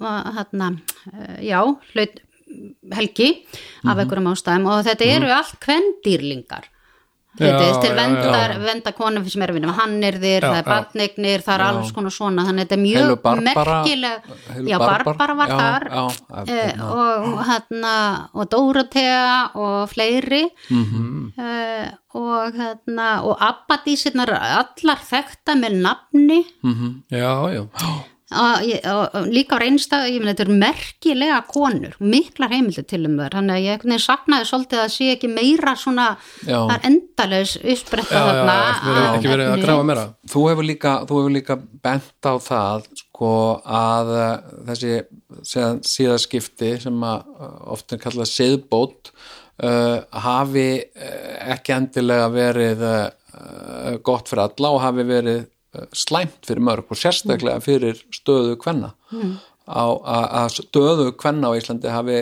farið mjög aftur sagt þegar að þegar að sem sagt uh, kaðarska kirkjan er í rauninni upprætt bara og geð burstræk hérðan sko mm. og hérna uh, hvernig hvernig finnst þér það hvað finnst þér að hafa falist í því Já, það er til dæmis þetta að konur missa þessa stopnun já, bæði á reynistað og, um, og á kirkjubæ þessar stóru kvennastofna einn fyrir norðan og einn fyrir sunnan af því að það er til heimildi sem sína líka að þetta voru kvennaatkvörf og það er ein kona sem að er hægt að sjá að hún kemur alveg að Vesturlandi, hún fer austur í kirkjubæðaklustur, þið veitum við ári og sanda og til þess að fara í klustur þar er að flýja eigimann sinn og það kemur nú bara beinleins fram í brefi uh, að hann hafi barið hana. Og þannig að það er missa þetta Einmitt. sem ég ég held að hafi skipt rosalega miklu máli. Já. og en svo er þetta að það er alveg vitað að konan verður ennþá meira svona undigifi manninum eftir síðaskipti. Og svo er það líka náttúrulega það er endar hérna uh, svo er ég miss hérna lög sem er breytast og það kemur nýja lagabólkar eins og stóri dómur að, að og það þá er sem sagt það eru þá er fólk, samkvæmt stóra dómi var fólk dæmt til dauða uh, vegna sifferisbrota áður var sem sagt bannfært Já, maður Eh, gat sko- hreinsa sig, já, já maður gætt svona hérna uh, sko maður gætt borgað sig út úr einhverju svona mm. í, undir kaðolskar ekki rétt skilji hjá Jú, mér eða unnið eitthvað, já, já. unnið eitthvað, þú mætir einhverjum þekkskildu vinnu alltaf og mókaðir eitthvað staðar í, í tvo mánuðu og svo þá varstu uh, þá varstu kvitt hérna en, en sem sagt uh, en, en líkamlegum refsingum var, var mjög sjaldan Já, beitt. það eru sjaldan, það eru til það var til dæmis gerðu greinamunur á víi og morði og það var Já. sko tekja lífi fyrir morð Já. og ég er nú að reyna að skilja hana mun sko en eins og til dæmis Snorri Sturluson var veginn já, og þeir sem vó hann þeir fóru, voru sendið til Rómar í pílagrimsgöngu, það var til þess að fá hérna, Aflaust fólk, var hrættist hreinsuneldin því það var það, það fólk gennum já. hreinsuneldin og og, og, gætt hreinsa sig með einmitt pílagrimsgöngu, góðum gjöfundi kirkjunar, verk, eitthvað þannig. Og, en það eru svona einstök brot sem eru eru hérna var refsa með döðurrefsingu en það er mjög sjaldgeft og eins og líka það að í kirkjulegum að þá er sko það má ekki þjóvar voru hengdir en það eru ef þú st- st- varst að stela þér til matar þá mátti ekki hengja þig. Eða þá er það sem sagt en það er eitt af þessum bara þetta, þetta, þess, þetta ákveð, þessu ákveð er bara fyllt til fulls eftir síðaskipti og fellur út þetta. Það er greinilegt að þetta eru fátaklingar sem eiga hvorki mat sem Mhm. eru með tengdir fyrir þjófnar og þeir, þeir eru stæsti hópurinn. En svo er það með vinnukonurnar Mm. sem eigna spödd Mhm. uh, húsbóndavaldið var svo mikið að vinnukonurnar voru bara allt í því að hitta rúmin í húsbóndanum og allt þetta bara sko. Og svo kom batn og eitthvað og, þarna, og það er þarna lífið. Þetta er það sem er bara byrjað að nota reyndar ekki fyrir en svona 1580 en þá konungur, danakonungur var kvart undan því að Íslendingar sé ennþá að bannfæra fólk hérna og ég er fara að gjöra svo vel að fara að taka þetta upp -hmm. og þá byrjar eitthvað svona rosaleg bylgja af aftöku og þetta er bara Þarna, já, já. en ég velti því fyrir mér sko, getur verið er eitthvað sem að uh, gefur til kynna uh, vísbending um það að Ísland sem sagt, í þeirri óöld sem að gjarnan ríkti í Evrópu uh, átök á milli hópa eða þjóða eða mm. landshluta uh, að konur uh, kannski sérstaklega hafi séð sko hérna einhvern tækifæri í því að fara til Íslands því að þar væri örugt að vera að hér hafi byggst upp uh, svolítið samfélag þar sem að konur voru kannski miklu meiri hluta eða voru fleiri Já. heldur en karlar eða Já, Ég- hefur ég- þú tilfengur í þessu? Já. ég, ég, bara velti þessu fyrir mér mér- ég, sko, En, en mér finnst þetta nefnilega allt og lítið skoða sko, já, væri, já, já, ég nefnilega sko, eins og, eins og hann hérna uh, einhverju, einhverju konungasögu þá segir hérna held ég Há, Hákon Mærajarl hann er að útluta sonum sínum uh, löndum. Þeir eru þrýr, einn fær eitthvað orknæjar, annar fær hjallansegar en hinn, honum er vísast best að fara til Íslands að, og eldast þar við rollur vegna þess að hann er ekki til hann er ekki nýtilegur Já, til já, bardaga já, já, og ég held einhvern veginn að þetta hafi verið Merkilegt. svona gríðar staður ég ímynda mér það að mörgum hafi bara þótt fínt Mm. að fara til Íslands og fá bara dunda þar í einhverju Já, já. og verið í frið Mm. vegna þess að það var ekkit á vísan róa með það í Evrópu því það bara kom allt í einu einhvað allt í einu var búið að breyta einhver, kom eitthvað nýtt en á Íslandi var bara allt einhvern veginn Mm. Já. Mhm. við það sama og ef þú varst bara standaði í þinni vinnu og svona s- og, Mhm. og hérna þá var alveg sem sagt, og, og þessi, þessi furðulega tiktúra okkar að byrja þessar bókaframleyslu hérna. mér já, finnst þetta er ótrúlega hún er alveg ótrúlega þetta er bara, Mm. þetta það sem að er merkir líka við þetta að þú veist þetta var uh, skrifa á íslensku. Já. meira og minna. Er mjög- Íslenska verður örgulega bara til hérna. Svo er bara að vera þýða hérna þetta helgisögur eins og kirkjubæðbók þetta er þýddar uh, sögur þið vitið tíu Mm. dýrlinga já, og ég meira að segja ég get lesið þetta einlega sko á þessu miðaldamáli þetta er svo frá, uh, ótrúlegt. Já, já. Og rittarasögurnar og allt þetta sem var verið að þýða líka yfir á íslensku. Já, mér finnst þetta eitthvað alveg ótrúlegt. Og þetta eru sko skipta hundruðum þessar bækur. En síðan, þá velti ég fyrir mér síðan eftir síðaskipti, þú veist, þegar að uh, klaustrin uh, það uh, molnar undan þeim maður bara, þeim, Þeim bara þeim lögð niður já. og þeim bara lokað. Og konungur tók yfir eignar já, þá hafi myndast hér svo stórir hópar af umkomulausum konum mm. sem að sem sagt, uh, voru einhvern veginn bara til neittar til þess að að, að, að, að já, bara að, að, að þykja ölmusur eða sem sagt, einhverjir ótilgreindir hópar, mér finnst svo oft svona í sögunni sko eitthvað benda til þess að það hafi verið svona hópar af fólki eins og til mis að því að ég var nú að leika þarna í skuggasveini fyrir norðan að leika skuggasvein. Ég var ekki að leika í skuggasvein, ég leik skuggasvein fyrir norðan. Hérna, og ég laðist í svolítið svona grúsk á sem sagt útilegu mönnum á Íslandi. Og það er bara heimildir sögur um bara stórir flokkar fólks sem voru bara útigangsfólk, þú veist að tala um förumanna pláu förum hann að plái og þá er farið að, að því að flakk var bannað og bara, en ég menna ég held að hver fór fólki sem bjóði klustunum allt í hennu var það heimilislaust. Ég veit að reyndar að nunnur uh, sko munkarnir gátu aðlegast nýjum síð og eitthvað voru prestar og eitthvað en nunnurnar voru áfram klustunum svo náttúrulega bara fullt af vinnufólki en það verður hérna förumanna pláa Já, og hérna, þannig að það er alveg rétt hjá þér og þá er einmitt eikst refsi harkan þið veitir, Já, það er verið að höggva hendina fólk, hendina Já, já, það er mér sem já. skora hásinnar og eitthvað, þið veitir, svona refsingar sem alveg viðbjóslegar Mhm. brennumertur á enni þinn að allir sæðu og hafi stólið og Já, þið já, veitir, já, já. og þetta er bara fátaklingar sem er að flækjast um og hérna, þannig að það, það er alveg greinlega, það verður svona upplýst og svo líka þegar það er engin spítali, það er engin sjúkrahjálp lengi, lengi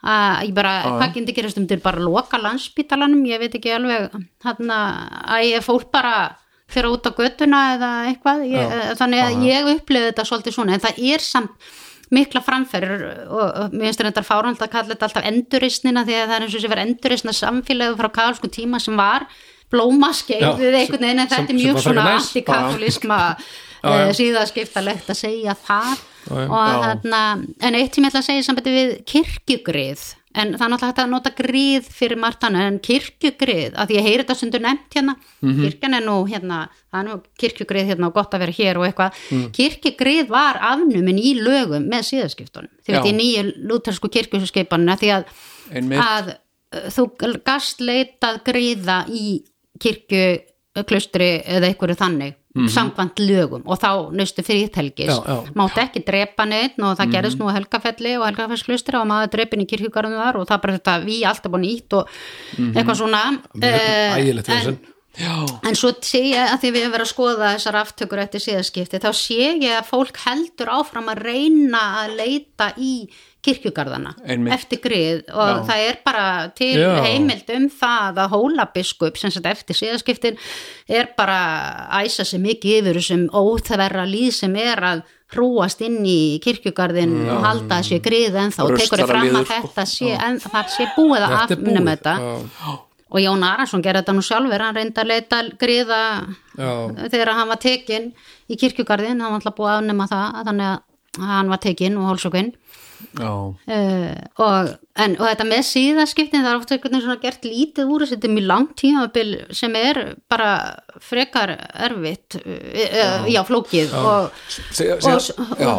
og, svo líka þetta sem að það er líka einhvern veginn þessi breyting eins og þetta sem margir sem að enda bara á götunni mitt ef maður segja götunni í flakki eða eitthvað. Það er þessi opbóslega áhersla á lestur. Það var svona einhvern veginn líkillin að því Já, já. þínu lífi var að kunna lesa Já, og þetta gekk allt út á einhvern veginn að annarkvært að berja einhvern veginn guðsorðin í hausin á fólki eða Mhm. þá að láta það lesa já. en áður það var heimurinn miklu meiri svona búin til úr alls konar táknum þannig að þú last alveg og ég var eins og bara textílum. Já, já. það er bara sögur á textílum. Þú þarf ekki að vera saga á bó Já, það er svipað jafn mikið verk að búa til textíl og að segja frá sögunni. Og það er núna eftir að ég fór að skoða þetta betur að, að bara við skoðum þessa miðaldatextíla sem eru til varvittir og það eru ótrúlega margir til varvittir að frá Íslandi og hérna, sem hafa ekki svona notið samnælis með með við hérna, handritin Ok. að þá eru svona, þið vitið, maður þarf bara að læra að lesa þetta, þið vitið, það Já, er hönd þetta- guðsinn á fólk horfið til vinst táknamál, horf, eitthvað. já. Já. Og þetta er bara eins og að lesa sko, hvað heitir teiknumyndasögu, Já, bara tinna eða eitthvað. Og þannig að það, og svo núna er einhvern veginn, og ég verður velta fyrir mig veitu, lesblindir og eitthvað svona þeir eru bara úti, að því ef þú kunni ekki lesa það mátti Já, ekki já. fermast, þú mátti ekki giftast þú mátti ekki, bara, Þetta var svona ákveðin uh, útilokanar aðferð sko, hérna og svo annað líka sem ég hef verið að skoða haft, haft mikið áhuga á sko uh, er uh, sko uh, hérna munlega geimt og leiklist. Já, mun, já, munlega geimt og leiklist. Mm. og Terry Gunnell hefur uh, rannsakað þetta svolítið hérna uh, sko hérna uh, hjá Árnastofnun Mhm. sem sagt uh, uh, svona uh, vísbendingar um leiklist og alþýðuskemtanir og eins og ég mér skilst að þá horði kirkjan, þar að segja katholska kirkjan horði svolítið í gegnum fingur sér með það að fólk notaði húsnæði undir alþýðuskemtanir mm. sem sagt og hafa til mis uh, leiklist uh, og, og dansar uh, og söngvar uh, en með síðaskiptum þá var þetta bannað. Já. sem sagt og Já. gleðir voru bara bannaðar formlega með kirkjubrifi Já. bara gleðir eru hér með bannaðar já. Við en svo, að er, en að svo er alltaf sagt einhvern veginn, það, allt sem er slemt gerðist á miðöldum. Og Já. ég meiri sem var að lesa um aft, hana, stengundis og, og það mál Já. og það er nokkur sem hafa skrifað um það og það stendur með þessi að því að þau voru dæmt til dauða og Bjarni hann í þessu máli, tekin að lífi og það stendur að það mætti halda að við værum komin aftur á miðaldir. Því líkt var réttafærið Já, maður bara, já. ha, býttu þetta, þetta var einmitt ekki svona. Og hérna og þannig að það, já, það er svolítið merkilegt bara- þetta viðþorfum mig til þessa tíma hvernig það hefur orðið. og finnst- það er svo miklu fleiri möguleika til þess að tjá sig með leiklist og allt þetta Já, eins og og munleg og hann Gísli Sigursson átnastofnum sem líka verið að benda á hvað munleg geimt þannig að það var ekki bara eins og núna Einmitt. finnst mér mér svo mikið að það bara er eitthvað er skrifað að þá er það satt það er allt Og- og það er hérna, og- á Íslandi. Ísland, ég segi alltaf bara Ísland, ég, ég vil menna það að Íslendingar séu bókstafstrúa þjóð Já. sem trúir bara öllu sem er skrifað. Alveg sama hvað það er.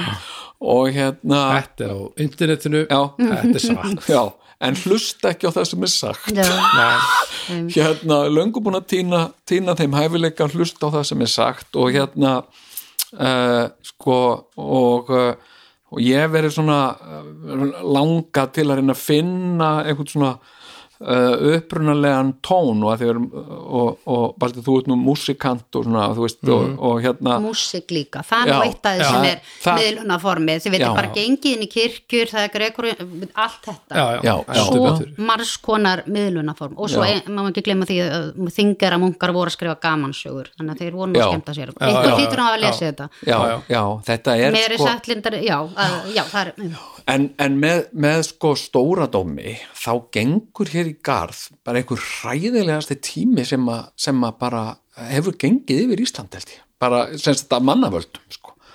Sem sagt uh, uh, sko uh, sem sagt þessar, þessar hræðilegu pyntinga aðferðir eins og þú veist að segja skera hásinar á fólki drekja fólki á einhvern hræðilegan hátt uh, uh, hérna Hvað er þetta langur tími sem að, við erum að tala um? Þetta er nefnilega merkilega stuttur tím ég vil kalla þetta aftökuöld fyrst við erum að tala um vikingaöld þá Já. mætalega kalla þetta aftökuöld Ok. en þarna það er eiginlega þetta hefst þarna um 1580 mann ekki alveg 1582 minni mig Mhm. sem að það er náttúrulega bara má telja með aftökur Jón Arason og eitthvað svona þarna um síðaskiptin af því að það var líka fólk Já. að tekið lífi fyrir að yfka káðska trú eins Já, og já. þannig en það byrjar þessi bylgja byrjar þarna, já það er örgulega 1582 Mhm. og hún stendur eiginlega alveg til 1794, það er Já, 200 ár og já. þetta er alveg 240 manns, þannig að þetta er meir en einn á ári og stundum er þetta bara sex hengdir á, á, á þingvöllum og eitthvað svona þjófar Já, já, og ég menn þetta hljóma svolítið svona já og, þetta, og við, ég bara, við fórum yfir þessi, öll þessi mál tókum öll málin saman og hérna, þetta fer alveg saman við það þegar hart í ári þá bara hækkar súlan yfir aftökur já, já. menn það er bara verið að það er skipulega verið að losa sig við óþarfa fólk Mm. Já. sem að er talin vera byrði Já, þetta er nefnilega já. það er að reyna að búa til hérna eitthvað fyrirmynda samfélag Mm. hreinsa út allt svona eitthvað Já, og hérna, til þannig að neikvæða hlýðin af svona, ha, Já, fólki sem neðist til að reyna sér til Já, og oft er þetta með fólk sem gæti ekki lesið og þar með þá varstu bara úti skilur þú finnst ekki og lendir að flakki byrja að stela og eitthvað svona sko. ég sé þetta þannig.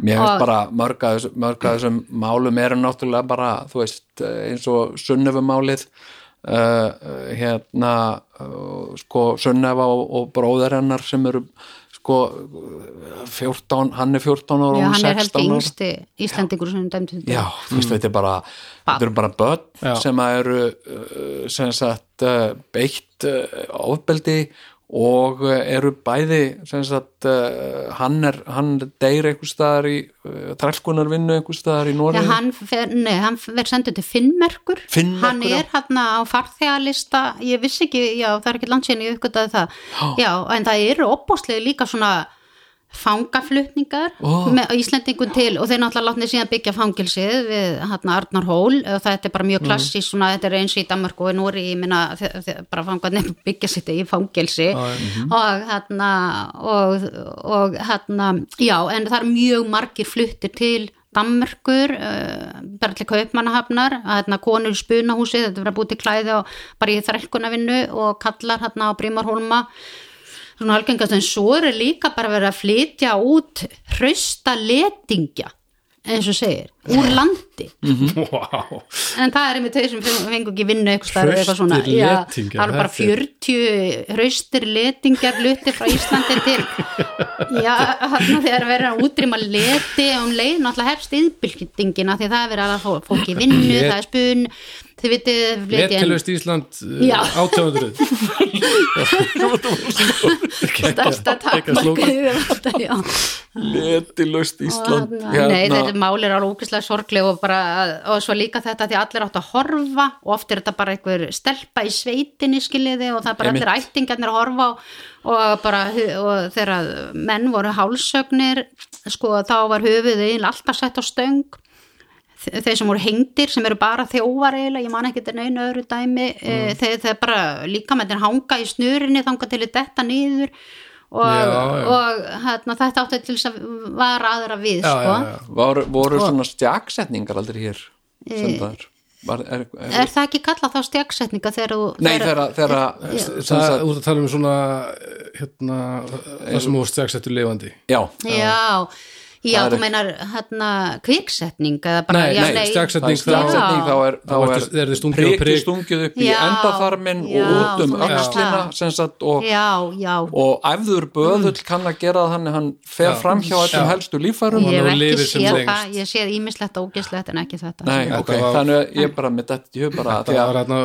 voða mikið á, Rúmeníu, Ungarlands Já, þar, já, ég er myndi að horfa á núna hérna nýju seríuna Ottoman uh, veldið, hérna uh, Ottoman, sem sagt er að Mehmet uh, barðist við Dracula.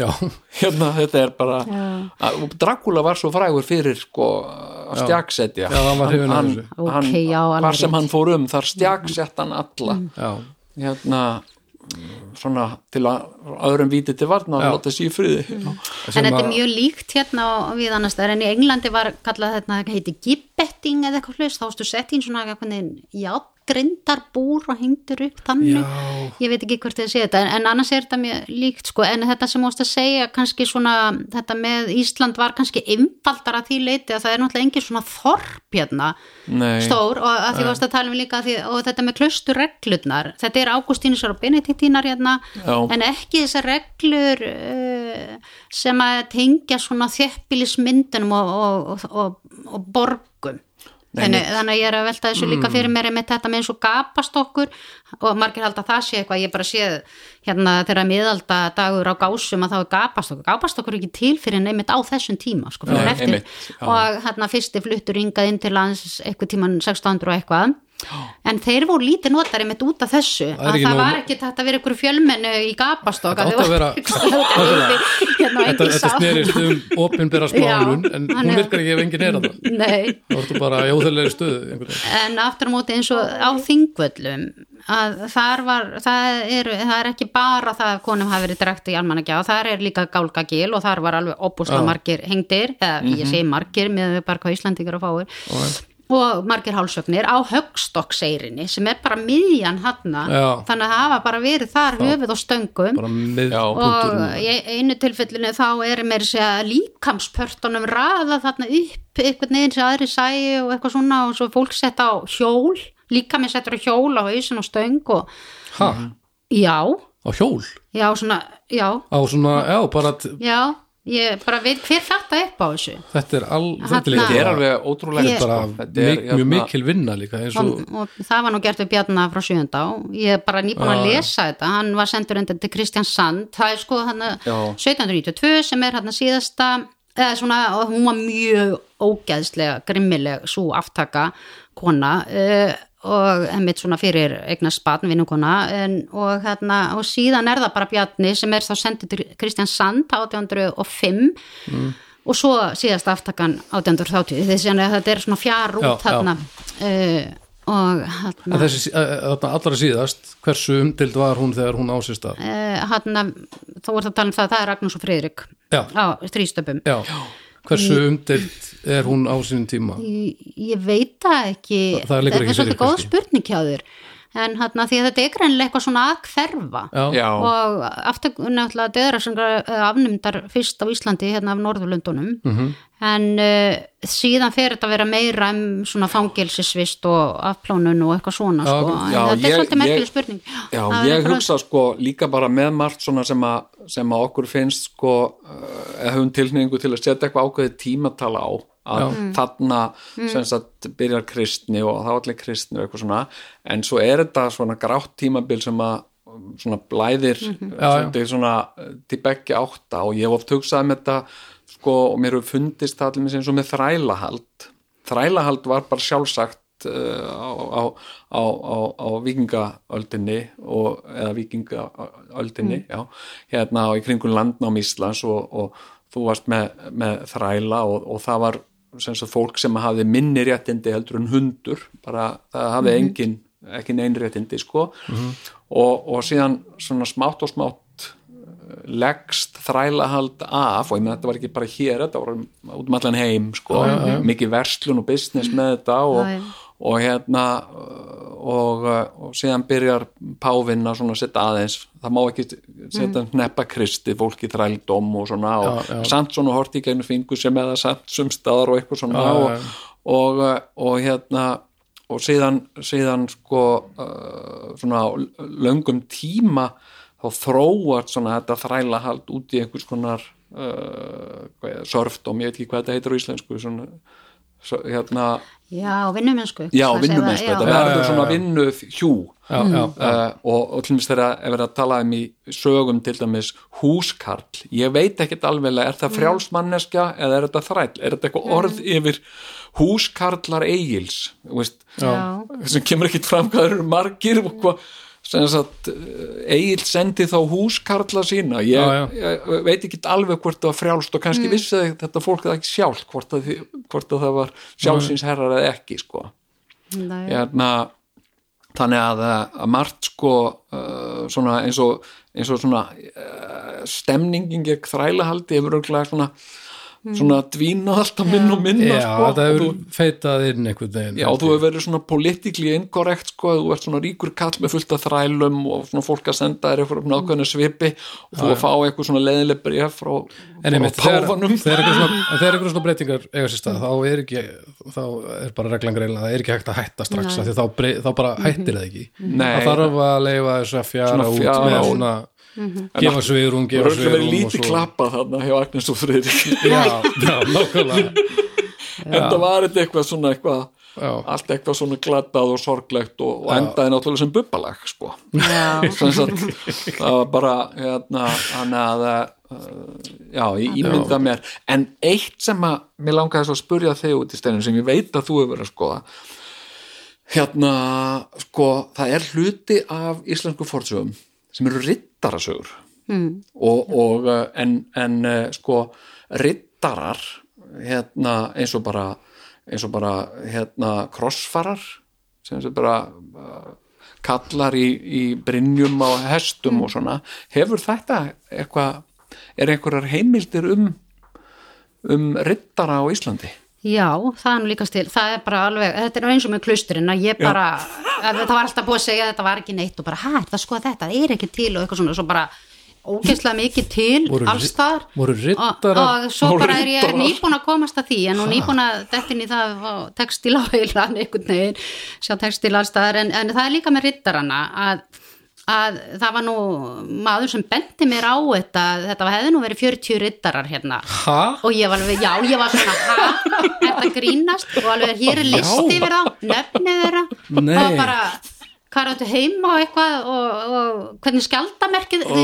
skildin þessi og ég var alveg, nú, ha? Og hérna, Og- jú, og það er sem sagt eftir hérna að Ísland týndist 1262 eh, þegar við Já.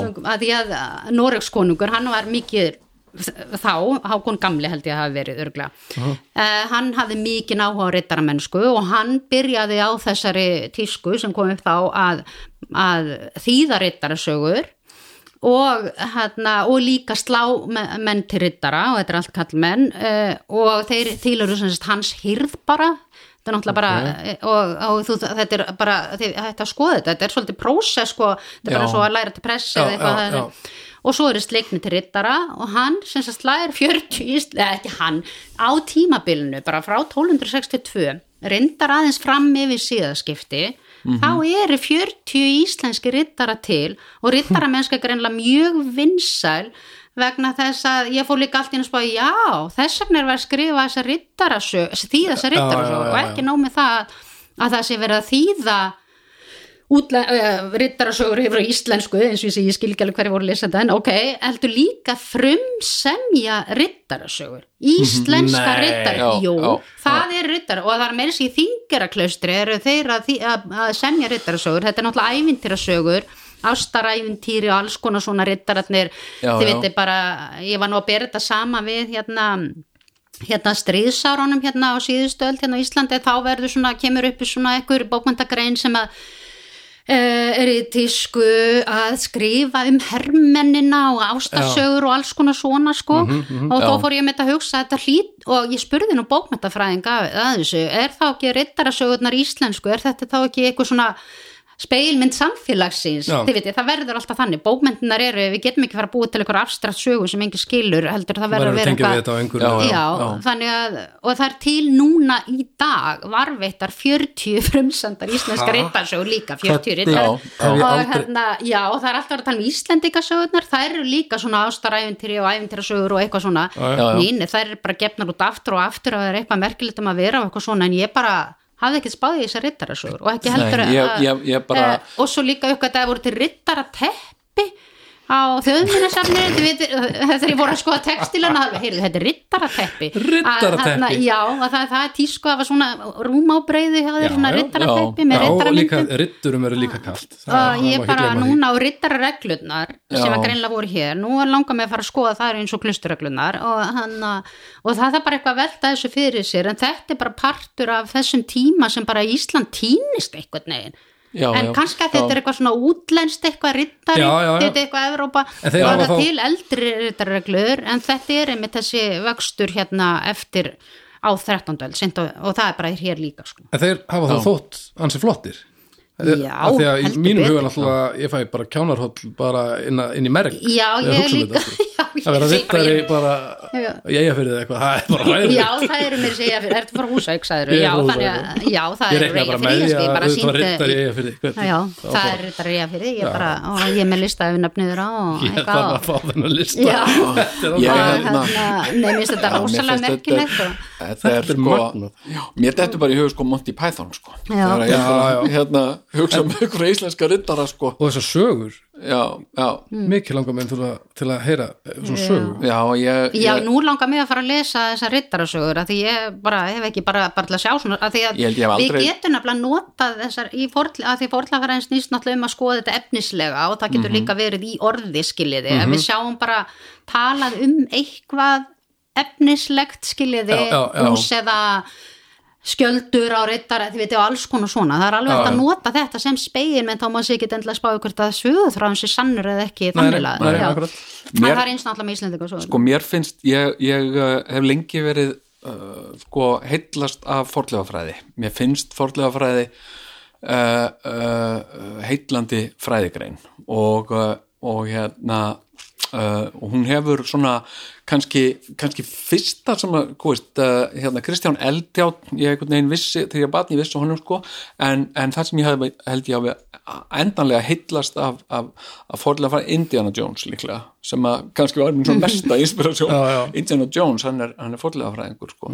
og hérna og, og svolítið mikið tengt sko hérna Egiptum og, og, og hérna og pyramidunum og svona uh, og uh, en sko ég, ég hef ég hef sko haft áhuga á því að kynna mér forlegafræði og ég líka ber svo mikið respekt fyrir forlegafræðingu vegna þess að þetta er svo fjarrir mínu minni skapgerð Já. að geta svona dundað yfir einhverju uh, hérna, ég reyndi mér að sé að horfa á hérna bíómyndina Bresku sem var gerð þarna um kallinn sem gróf upp skipið þarna í hérna uh, hérna á Englandi ekki Sjöttan hú, nei það var ekki það. Nei hvað, sem gróf Nei. skipið? Já, já ég veit uh, hvort þá ég bara mann ekki já, myndina, já. Sem sagt bíómyndin. Dick það var sem sagt landegandi sem grunaði að það væri einhvað já, og fekk einhvern kall hann var ekki forlega fræðingur en hann var áhuga maður um svona gamla hluti. Já, já, já. og hann með skublu ó nei. bara kall og nesti og byrja að grafa og gróf þarna upp eitthvað elsta skip sem fundist hefur. Það verður eðruglega hörmulegt að vera fórlega fyrir einhver að horfa á þessa mynd þegar að gamlega með skóflu meina, en þetta er Ég samt sko hann, svo koma forlega fræðingar og taka yfir uppgröðin Ég- þegar það ég- byrja ég að finna vona og svona. en meira segja bara myndin ég þurfti alveg að spóla smá skila því að ég bara, sem sagt það var hefur þú alltaf?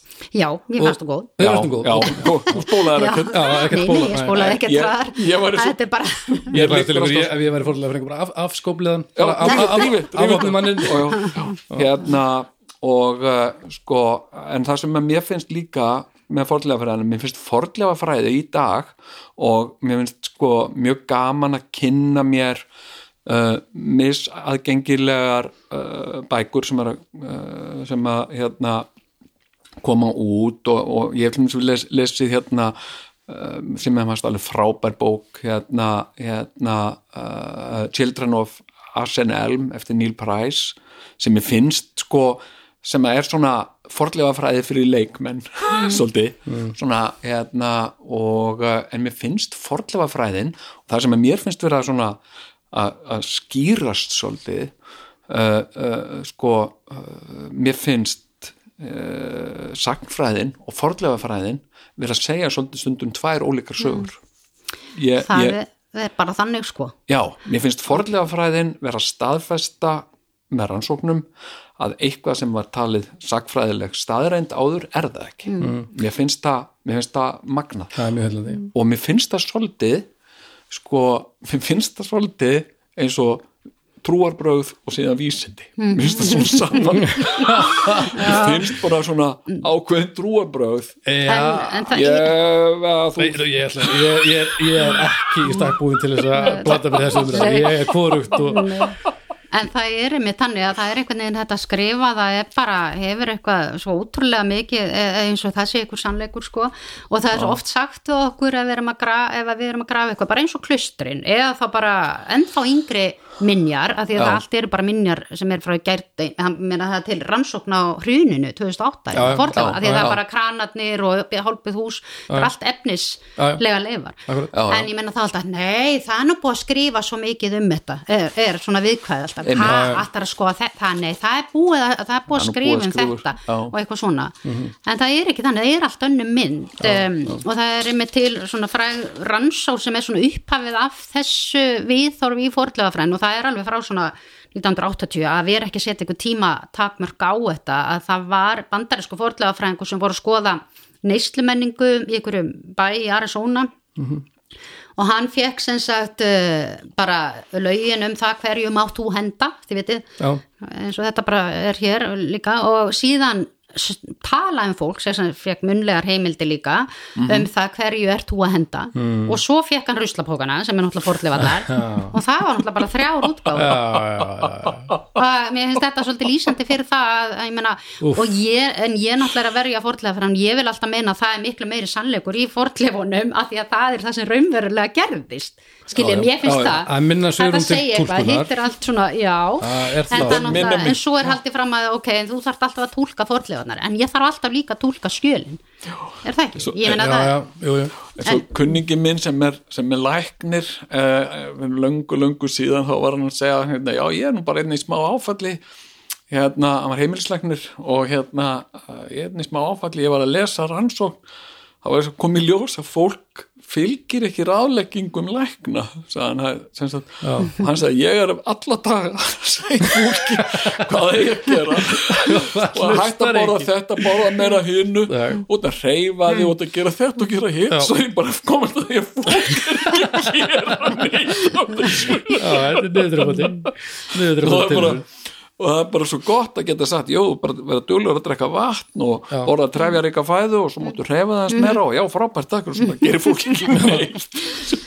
En það er líka þetta með að því ég var að nefna textílana að hana, það bara opnaðist líka fyrir mig nýr heimur einhvern veginn að því mér finnst textílar ekki verið að hafa verið e- e- ekki litið, litið á það sem texta. Því það er ekki fyrir en bara hérna brósur heimsbyggi sagði við mig á skólanum, já en þú veist að textíl er texti, þetta er bara Já, já, la, já. latínu er bara, þetta er sami grunnur Já. og þá fór ég að skoða þetta meira þannig Já. og það er náttúrulega líka bara til textilir sem, sem eru ekki með myndum á og eitthvað svona en það eru til Ertu að rannsaka þetta núna? Já, við Já. erum að skoða þetta núna og Já. vitum og það er náttúrulega til sko handritin, ég vil alls ekki gera lítið um þeim ég finnst þau ógeðslega merkileg og Mhm. mér finnst bara ótrúlegt að það hafi verið hægt að framlega svona mikið en það er samt sko átnástofn í Kaupnarhöfn og það er átnástofn í Reykjavík, það er alveg bara uh, þið veitir, handritin er á UNESCO hérna, heimsmýraskráni og allt þetta skiliði og svo allt í en textarnir er og ég uppgæta að það eru bara tölvöld margir miðalda textila til, það er enda búið að breyta mikið af þeim og mikið sem er breytt við síðaskiptin sem er svona eins konar Hmm. uh, myndbrot er það kalla þegar var verið að reynsa út sko þess að kaðulsku einkenni, alltafstöflum og allt einmitt, þetta sko. og- en ég uppgötaði síðan þegar ég fór að kíkja eitthvað ég bara, ha, ég er bara svona mikið til það er enginn að tala um þetta. Og ég tala um þetta ekki myndi í bókinni minni held ég no, sé eftir því.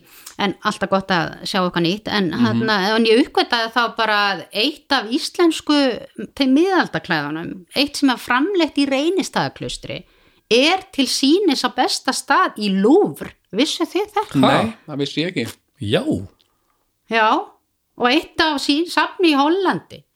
Og Ég svo er nokkur í aldrei kaupmannhöfn og um nei, þetta er rosalega flott klæði útsaumað með helgimyndum. Og, búin að átta sig á því hvað þetta það var mikilvægt. bara, já, það var einhver ríkur túristi sem kifti þetta hérna, það var held ég á átjándu sko að því handritum var sapnað og þá var að reyna að byggja upp hérna, þið viti, svona þjóðurnis Já, lita, þá var bara að vera að sapna ísl, handritum og íslensku það er svona reynda svo mikið til að þeim en að minna latinu og einmitt allt svona úst, eins og klæði og allt þetta, það var ekki verið að sapna þeim. En þau sem Mhm. eru varvett eru klæði sem einhvern veginn urðu döguð ykkur starf uppi á heimilum og síðan eru ríkir túristar myndi ég segja, ferðamenn sem Já. koma hingað á átjandöld kaupa þetta já, já. Já, og það er mjög merkileg saga þessu klæði sem er í lúfur af því að það er mitt sko ég, ég held að það hafi bara verið Uh, já, það er bara var, uh, ég, ég þór ekki að fara með þessa sögu en það er bara þetta hvort að, já, ekkur fekk þetta glór maður fekk þetta að gjöf Já. og síðan endar þetta hérna inni á, í lúfur og er vís bara, ég hef ekki séð það þar en þeir sem hafa séð það, sé þetta sé bara næstu við hliðin á Já, skiljið, já, já, þannig. þetta er bara okkur um besta er- stað þarna. Og- En er þessi og ég var íslenski bara, heyrðu býtu, En er þessi íslenski textil er hann þá líkur textil annar staða frá Já, já, jú, það er til svona, kirkju, þetta er með kirkjulega myndum og, Já. og þetta er, það er mikla þekkingu til þess að setja upp þess að sögu, þetta er saga Heilas Martins sem er á því, Martinsklæði er þetta Ok. kalla. Já, það er bara að kanna það hvort það sé Já, til víðar eða eins líka hvort þessi eitthvað sem íslensku klæðum á sér framleiðsla sem var hér hafi rata all útlanda.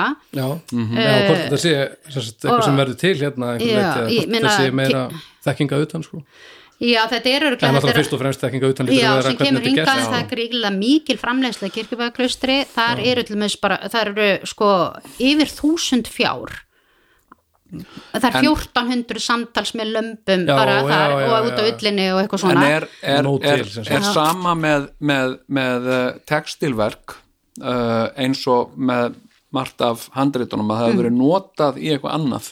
Já, sem já, bætur er að eða segja það, það- já. Já, það, það, það eru sum og við erum bara nýbúin að uppgöta eitt sem er bútur úr stærra klæði sem gæti að hafa verið bara heilt vegteppi sem er örgla saga Ólafa Ríku í, á því klæði. Ok. Og það er verið bútur og því notaður og eitthvað svona sko. Já, já, þannig já. að það má örglega uppgöta eitthvað fleiri. En, það var svolítið merkilegt með þegar þetta finnst þetta uppgötaðist 1950 þetta með þannig að ég var alveg bara ha býtu hérna með þetta klæði í lúfr og hérna neini það er þetta dönsk kona sem uppgötar þetta og hún skrifa grein í eitthvað dansblað og Kristján Eldjátt þýðir það Já, og já. byrtir á Íslandi en vitið hvar hann byrti það? Nei. Í, í prjónablaðinu Melkorku Já, já, auðvitað Þannig ég var að segja, já það er þess vegna sem þetta er ekki drata svona inn í eitthvað svona Nei. sem fordleifar og sem Vá. eitthvað svona merkilegt hand eitthvað. var hann, var hann eitthvað mikið að byrta Nei, þetta var bara svolítið á þessu tími eitthvað svona að textíl, Já, nei, það er bara eitthvað svona kvennadót prjóna hérna og, já, fyrir bara í já. hérna Steinur, nú, nú þurfum við að fara að, að, að venda hvað okkar í kross þetta er mikið að halda þeir hérna mikið, mikið, mikið lengur en, en, en sko, mér langar að spurja þig að lokum hérna, sem sagt, að þið verum að tala um uh, mismunandi sögur eftir í hver segir og hver, og hver síðan raunveruleikin er. Uh, nú ertu, þú ert búin að skoða mjög uh, hérna uh, sko uh, textilverk og uh, og hérna þú tækni og það er aðferðir er textil aðferðir sem notaðar eru uh, sko uh, uh, er það rétt skili hjá mér að þær tengist mjög brellanseim Já, það var nú við, að því eins og ég segi, ég byrjaði alltaf inn að skoða textíla og textílar eru bara gripaflokkur sko, að fara að skoða það að því þetta er búið að halda þessu sér Já. eitthvað svona. Og líka þessi áhald til textílgerðar sem er finnast mjög, það er náttúrulega mjög merkilegt tæki, þetta er bara framleiti að- að- að- hérna, þannig var textíl framleitur Já. eða stráðurinn. Og hérna, já, það kom hérna danskur forðlega fræðingur að skoða þessi textíláhöld. Og hérna, og hún verður bara steinhissa þegar hún sér þetta að þetta líkist ekki áhöldun sem er til, sem hún hafi séð í Skandinavi, Já, ok. heldur á Bretlandsegjum Já. og ég hugsaði, já, auðvitað því hún hafi segið, hvernig stendur ég lágus en mér fannst þetta bara, já, ég sagði, auðvitað af hverju var ég ekki búin að Við tölum bara ekki mikið um, um þetta og en er og ekki eins svo- með já. vist handritin. Það er vist eitthvað rannsókn núna á atnastofni sem bendir þess að handritagerðin sé nú líka svolítið mikið anskot Já. nei, fyrir ekki að taka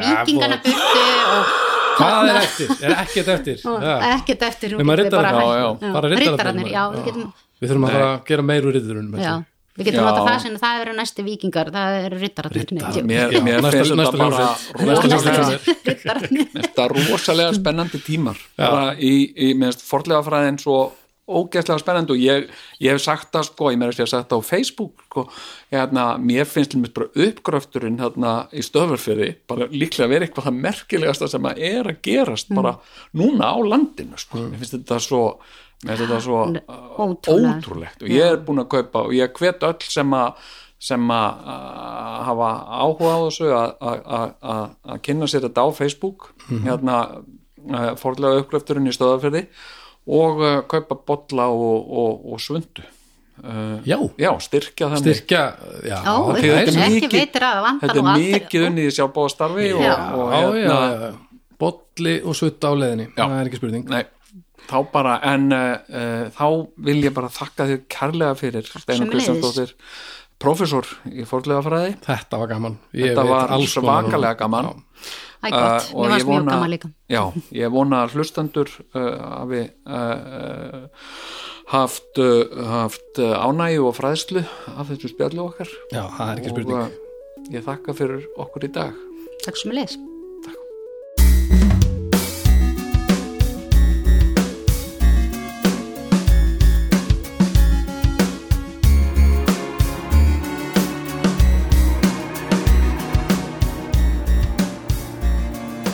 þetta var uh, magnað uh, veital og uh, og, og ég er svo ég er svo heillaður af steinunni, mér finnst hún svo ofbóðslega klár og hérna fannst ekki gaman að tala við hana? Jú, þetta var ógeðslega gaman. Já, og ég vissi svo lítið líka já, já, og það, það er skemmtilegast já sem hendar mér mjög vel af því að ég er ekkert mjög vel að mér í mjög mörgu þannig að það, þetta, það er aðeinslegt að fá, fá að hlusta á fólk sem er búið að hella sér svona í hlutin að tala um það sko.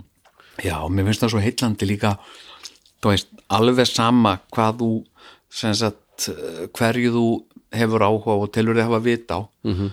sem sagt uh, þú getur alltaf fundið einhvern sem veit Já. talsveit miklu meira um þetta. Það eða veit um þetta og er að koma úr einhver allt annar átt en þú sjálfur. Og mér finnst það svo Já, ekki. en hvað hérna, hvað kom þér svona hvað kom þér mest óvart við þetta? Hvað, hvað var það svona sem að uh, sko í runni hvað þetta voru hvað þetta voru sterk pláss. Aha, hvað þetta að, að, að geta leitað og, og hvað þetta voru í runni svona mikil sjálf, standa, sérst, sjálfbær unit sko. það, ég, ég bara hafi ekki hugmynd um það nei, það, ég, ég nefnilega sko ég uh, hérna Nei, og náttúrulega rittararnir Hvað kjánagangur er það? Ég, ég, ég hlakka mikið til að tekka á því meira sko.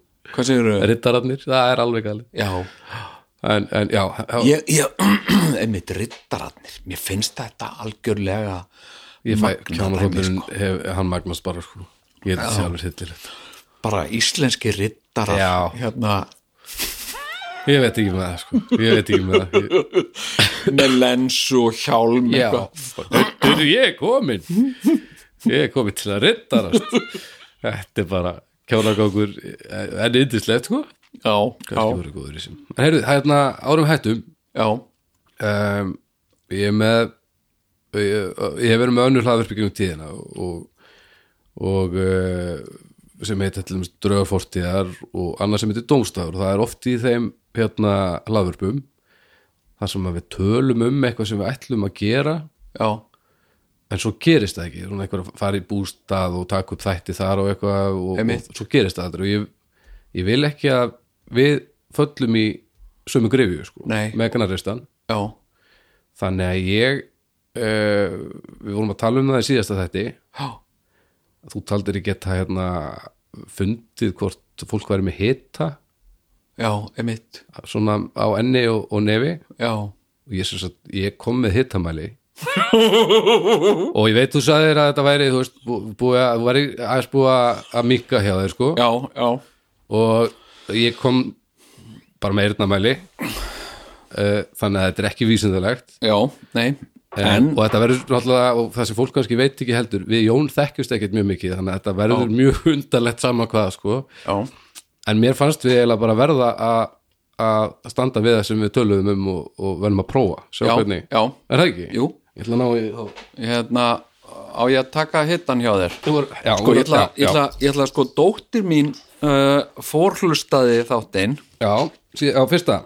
Já, Já, og uh, og hérna, ég fekk hérna skilabóð frá henni ok uh, sem að hérna já, hún segir hérna Hæ, er að hlusta á þáttinn og hef sagt mörgum frá þessum hitamæla hæfileika þínum. -hmm. Þú ert alveg búin að sanna þetta og ég myndi ekki efast í sekundu ef að þú myndir segja mér hvað ég væri með mikinn hit. Þetta er nefnilega, þetta er merkilegt Þannig að nú verðum við bara að láta þetta reyna Ok, Ég ætla að stilla hérna Stilla mælin Þannig að hann sé klár já, uh, Og þú veist eins og þið heyri þá er Ég er með smá, þetta er ekki gefins af Því að ég, það er smá lumbra í mér Ég er með kvefaðar og svona Þannig að þetta er ekki Hvað segir maður sjá. Má ég standa? Uh, Stattu og, og, stattu og, og snúðu hliðin að mér, þannig ég geti, Já. svona já.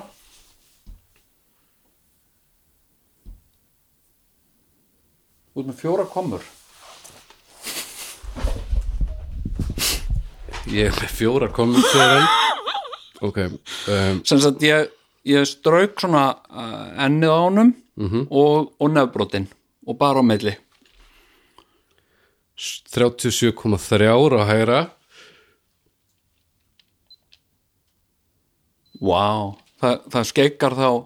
37,3 stendur það skeikar komu en þetta er eyrnamæli sko þetta er eitthvað að- maður, hann getur sko 37,4 Nei, hann sko. Nei. Nei Fjandinn hafið það nei, menn þetta er furðulegt. Og þú sagst að ég var ekki lengi að þessu. Ég bara snerti einu Nei, og þú varst líka svo örugur einu sinni til svo með fjóra komur Ég held, og eyrnamælirinn, hvað sagði eyrnamælirinn? hann sagði 37,3 fyrst á hægra og svo á vinstra og svo 37,4 á hægra og vinstra Þetta er þetta er bara Já, allt í leið Já. Ég, En þú veist, þetta er ekkert uh, þetta er ekkert hérna sko uh, þetta er ekkert yfirskilvillegt sko, þetta er, þetta er mjög mikið æfing uh, að vera með börn og sem sagt uh, nenn ekki að rassamæla já, já, nei, nei, nei, nei, já, ég skil sem að var eini mælirinn Já, já, já, sko, þú fjóðast ekki mennir svona fínar. Og hérna, ég hef verið að mæla þig. Nei, ekki rassamæli, ok og eitthvað svona. Já, og þannig að ég, þú veist ég fór að uh, að æfa mig æfa mig í þessu þú veist, en, en sko uh, en svo er þetta einhvað líka með sem ég hef heyrt af fólki sem er rauðært að það hafi meiri tilfinning, öðruvísi tilfinningu fyrir hita og sársöka já, en þú veist, það er mjög erfitt að, og það er vísindalegt sko. Þetta allavega þetta allavega um, sé, ég á ekki sens í þetta. Ég geti aldrei, ég held ég get ekki þjálfum mig upp í þessu. Uh, sko kannski með æfingu sko, ég veit ekki. Nei.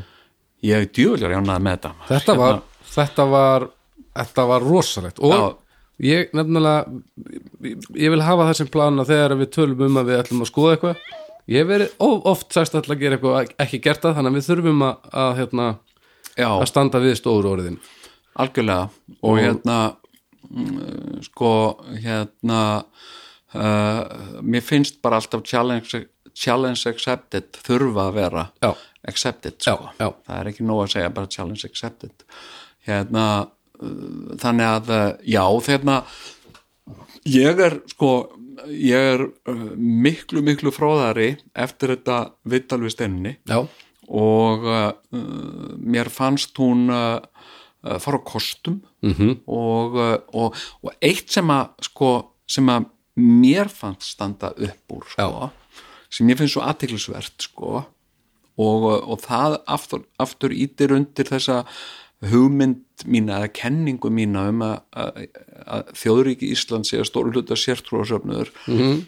eða svona ó, líkt og sértrúasöfnuður sko. Þetta sem hún var að tala um þessi ofur áhersla á lestur. Já, þessi gríðarlega áhersla á lestur uh, sem að er líka uh, mjög sterkur hluti af lútastrú já, já, já. og það er til mér munurinn uh, svona á, á kathólsku og lútersku. Mm. -hmm. katholikar er ekkit endilega kvött til þess að vera að lesa mikið. Nei, talaði við prestin hann, hann Já, þekkir hann þetta, hann lesi þetta. Hann er búinn að lesa. Hann er búin að lesa biblíuna mörgur sinnum. Já, já, hann getur bara sagt þetta, talaði við prestiðin Já, og hérna og hérna, en hann er alltaf eitthvað að káa mér og svona, já, já, leittu það hjá þér og hérna, hann er svo vel lesið en, en sko með lúterskunni þá kemur það að sagt að hver og ein manneski eigi hafa aðganga að biblíunni og kristilegu lesefni og sálmum og, Já. og, og dóti. Og, eh, og það sé svo gríðarlega mikið mikið sko, mikið fengur í því að geta bara lesið beinta, millilega laust sko. Nákvæmlega, svolítið verið að setja þetta í hendurnar á nákvæmlega og katholska kirkjan á að vera einhver millilegur fyrir þig og Guð. Þú átt bara eiga þitt persónlega samband við Jésu Krist og, og hérna og, og Jésu Kristur er mannafegnastur yfir því skilur bara að vera laus við katholsku kirkjuna. Já, já, já, já, já. og það er svona kennisettingin sko og, uh, og síðan kemur þessi gríðarlega áhersla hér á lestur. Sagt uh, hérna en, en, en það náttúrulega þýðir sagt það náttúrulega þýðir að allir eins og uh, eins og sko við vitum að, að allt sagt felur í sér andstæðu sína. Ef að við uh, ef að við sko uh, viljum alltaf eitthvað eitt þá um leið útiloku við eitthvað annað já. Já, já, já. akkurat hérna ef við, ef við hérna uh, sko uh, sko hérna uh, erum að leggja svona gríðarlega mikið mikla áherslu á lestur að þá er svo margt annað sem gleymist og, og til mér á Íslandi hefur það eins og steinun bendur réttilega og verið til mér eins og handverk Já. eins og vefnaður Já. og, og svona. Þetta hefur einhvern veginn hlutir sem við vitum ekkert um. Nei, bara ekki neitt, en við vitum allt um lestur og hvað er mikilvægt að lesa, verðum að lesa og, og hérna og hérna uh, sko og svo er annað líka með þetta sko sem að ég uh, náðu ekki að spyrja hann út í en myndi vilja spyrja eitthvað um setna íslenska tungan Mhm. er svo ógeðslega undir svo ógeðslega miklum áhrifum frá kristni vegna þess að sko fyrstu bækurnar sem koma út á íslensku sem sagt í almenna dreifingu er Nýja testamenti. Nýja testamenti hérna uh, hérna uh, Odds Gott, Gott, Skálkssonar uh, hérna og uh, og sko og biblíu þýðingar er svo mikið sagt, orðafórið í íslensku er svo mikið úr biblíunni Já, já, já, og kristilegri hugmyndafræðu þess vegna erum við með svona orð eins og eins og uh, líknarmorð. Skilur þetta svona, of svona gildislaðin gildislaðin orð og, og hérna sem eru búin til í einhverju svona kristilegu mentaliteti sko. Út frá einhverju kristilegri hugmyndafræði. Það er svo margt í í uh, okkar orðfæri sem er mjög kristilegt.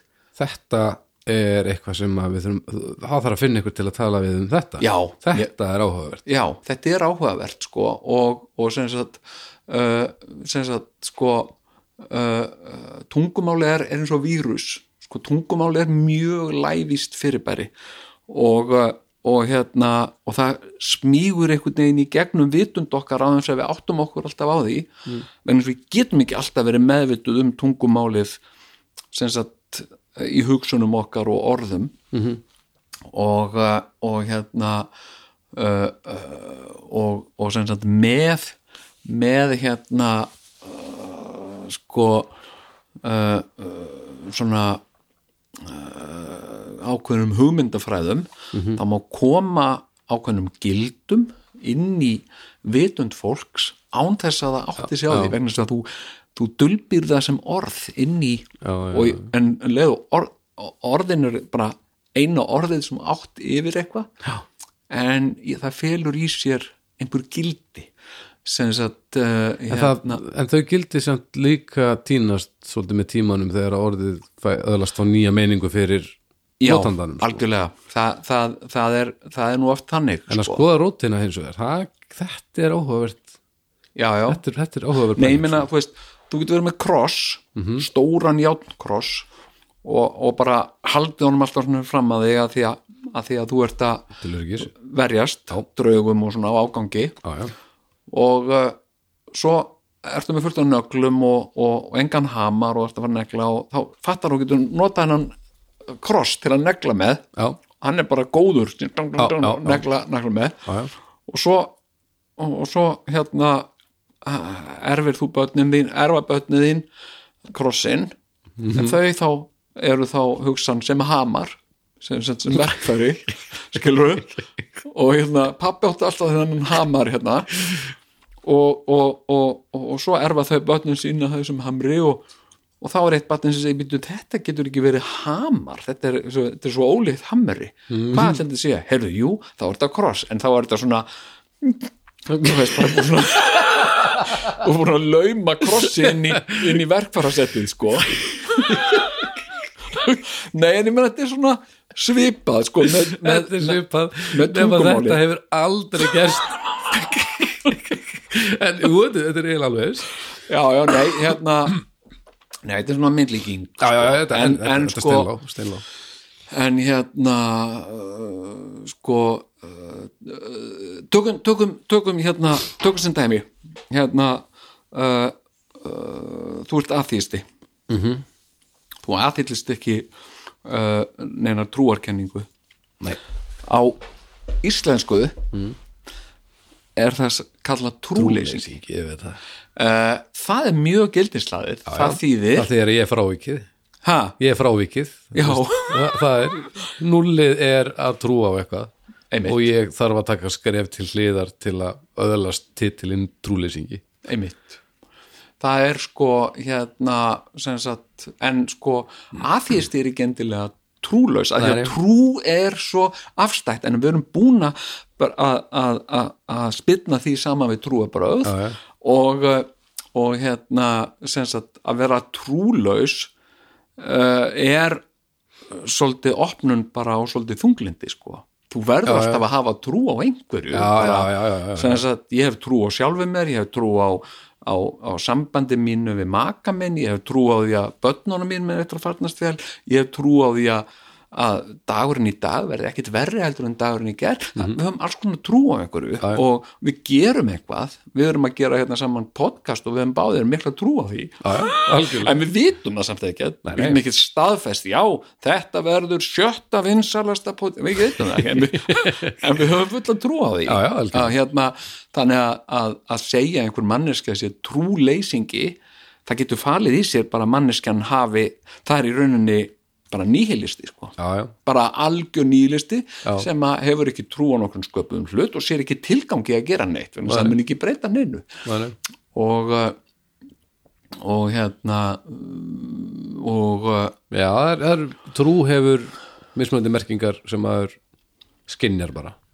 Já, þegar einhver segir við mig ég hef trú á þér, þá held ég ekki að hann dýrki mig Nei, sem nákvæmlega. guð. Það væri mjög það fyrir mann í minni stöðu sko. ég mikla trú á þér Já, ah, uh, já, ég ætlum að byggða maður ekki að gera það sko, að gera eitthvað eh, það er komið einhverjum svona messiasarkomplex inn hjá mér sko. nákvæmlega, og allt einu er komin í galla Já. einhvern galla ah. Djöfull er ég ánaði með, með hittamælinguna maður herrið var ekki Djöfull verður Kamila dóttir mín ánaði að heyra þetta maður og, sko, og fyrst komið fyrir neðan en ég kenni mælinu um það þegar síðan kom fjarkinn sko. Já, já, já. Þetta var, var lígilegt Skeikar, sko, þetta er alveg furðulegt. Ég hef svo miljón sinnum verið með krakkana. Mm. uh, uh, hérna uh, pappi, ég held ég sem ég hitta og bara og ég segi, já, það er út með 38 tvær og eitthvað svona það í alvörunni. Og þau fóru að mæla sig og það eru 38 tvær. Þetta er rosa. þetta hefur verið umtalsefni eh, þetta- fjölskyldu og nú hefur þetta verið vísindalega staðfest. Já, ég meina, ég bara og ég leti ekki vita fyrirfram af því ég vildi fá ég vildi fá að sjá hvort þetta væri bara eina af þessum sögum eða hvort það væri eitthvað til í þessu. Já, já, og öryggið var algjört. Þú veist nákvæmlega hvað varst að gera. Já, og, og varst rosalega fljótur að þessu. Já, miklu fljótur en rassamælir ja, mi- mi- miklu, fljótari. Já. og uh, já, ég, þetta, þetta er En bara vísindalega aldrei, saman sko, ég hef aldrei aldrei prófað sagt, að, að stinga puttanum á mér upp í rassinuninum og, og mæla þannig, sko, en kann, kannski væri það nákvæmara, sko. Sko við þurfum að vera búin að gera alveg 20 þætti áður en við förum í þannig pælingar. Við, við þekkjust ekki nógu mikið ennþá sko en ég meina, já. aftur í vísindin á einhverjum tímbúti þetta var geggjað. Ha, það var geggjað, þáttur. Já geggjað það var ræðislegt og, og mikil vísindi. Já, mjög gott. Meiri vísindi maður. Já, meiri vísindi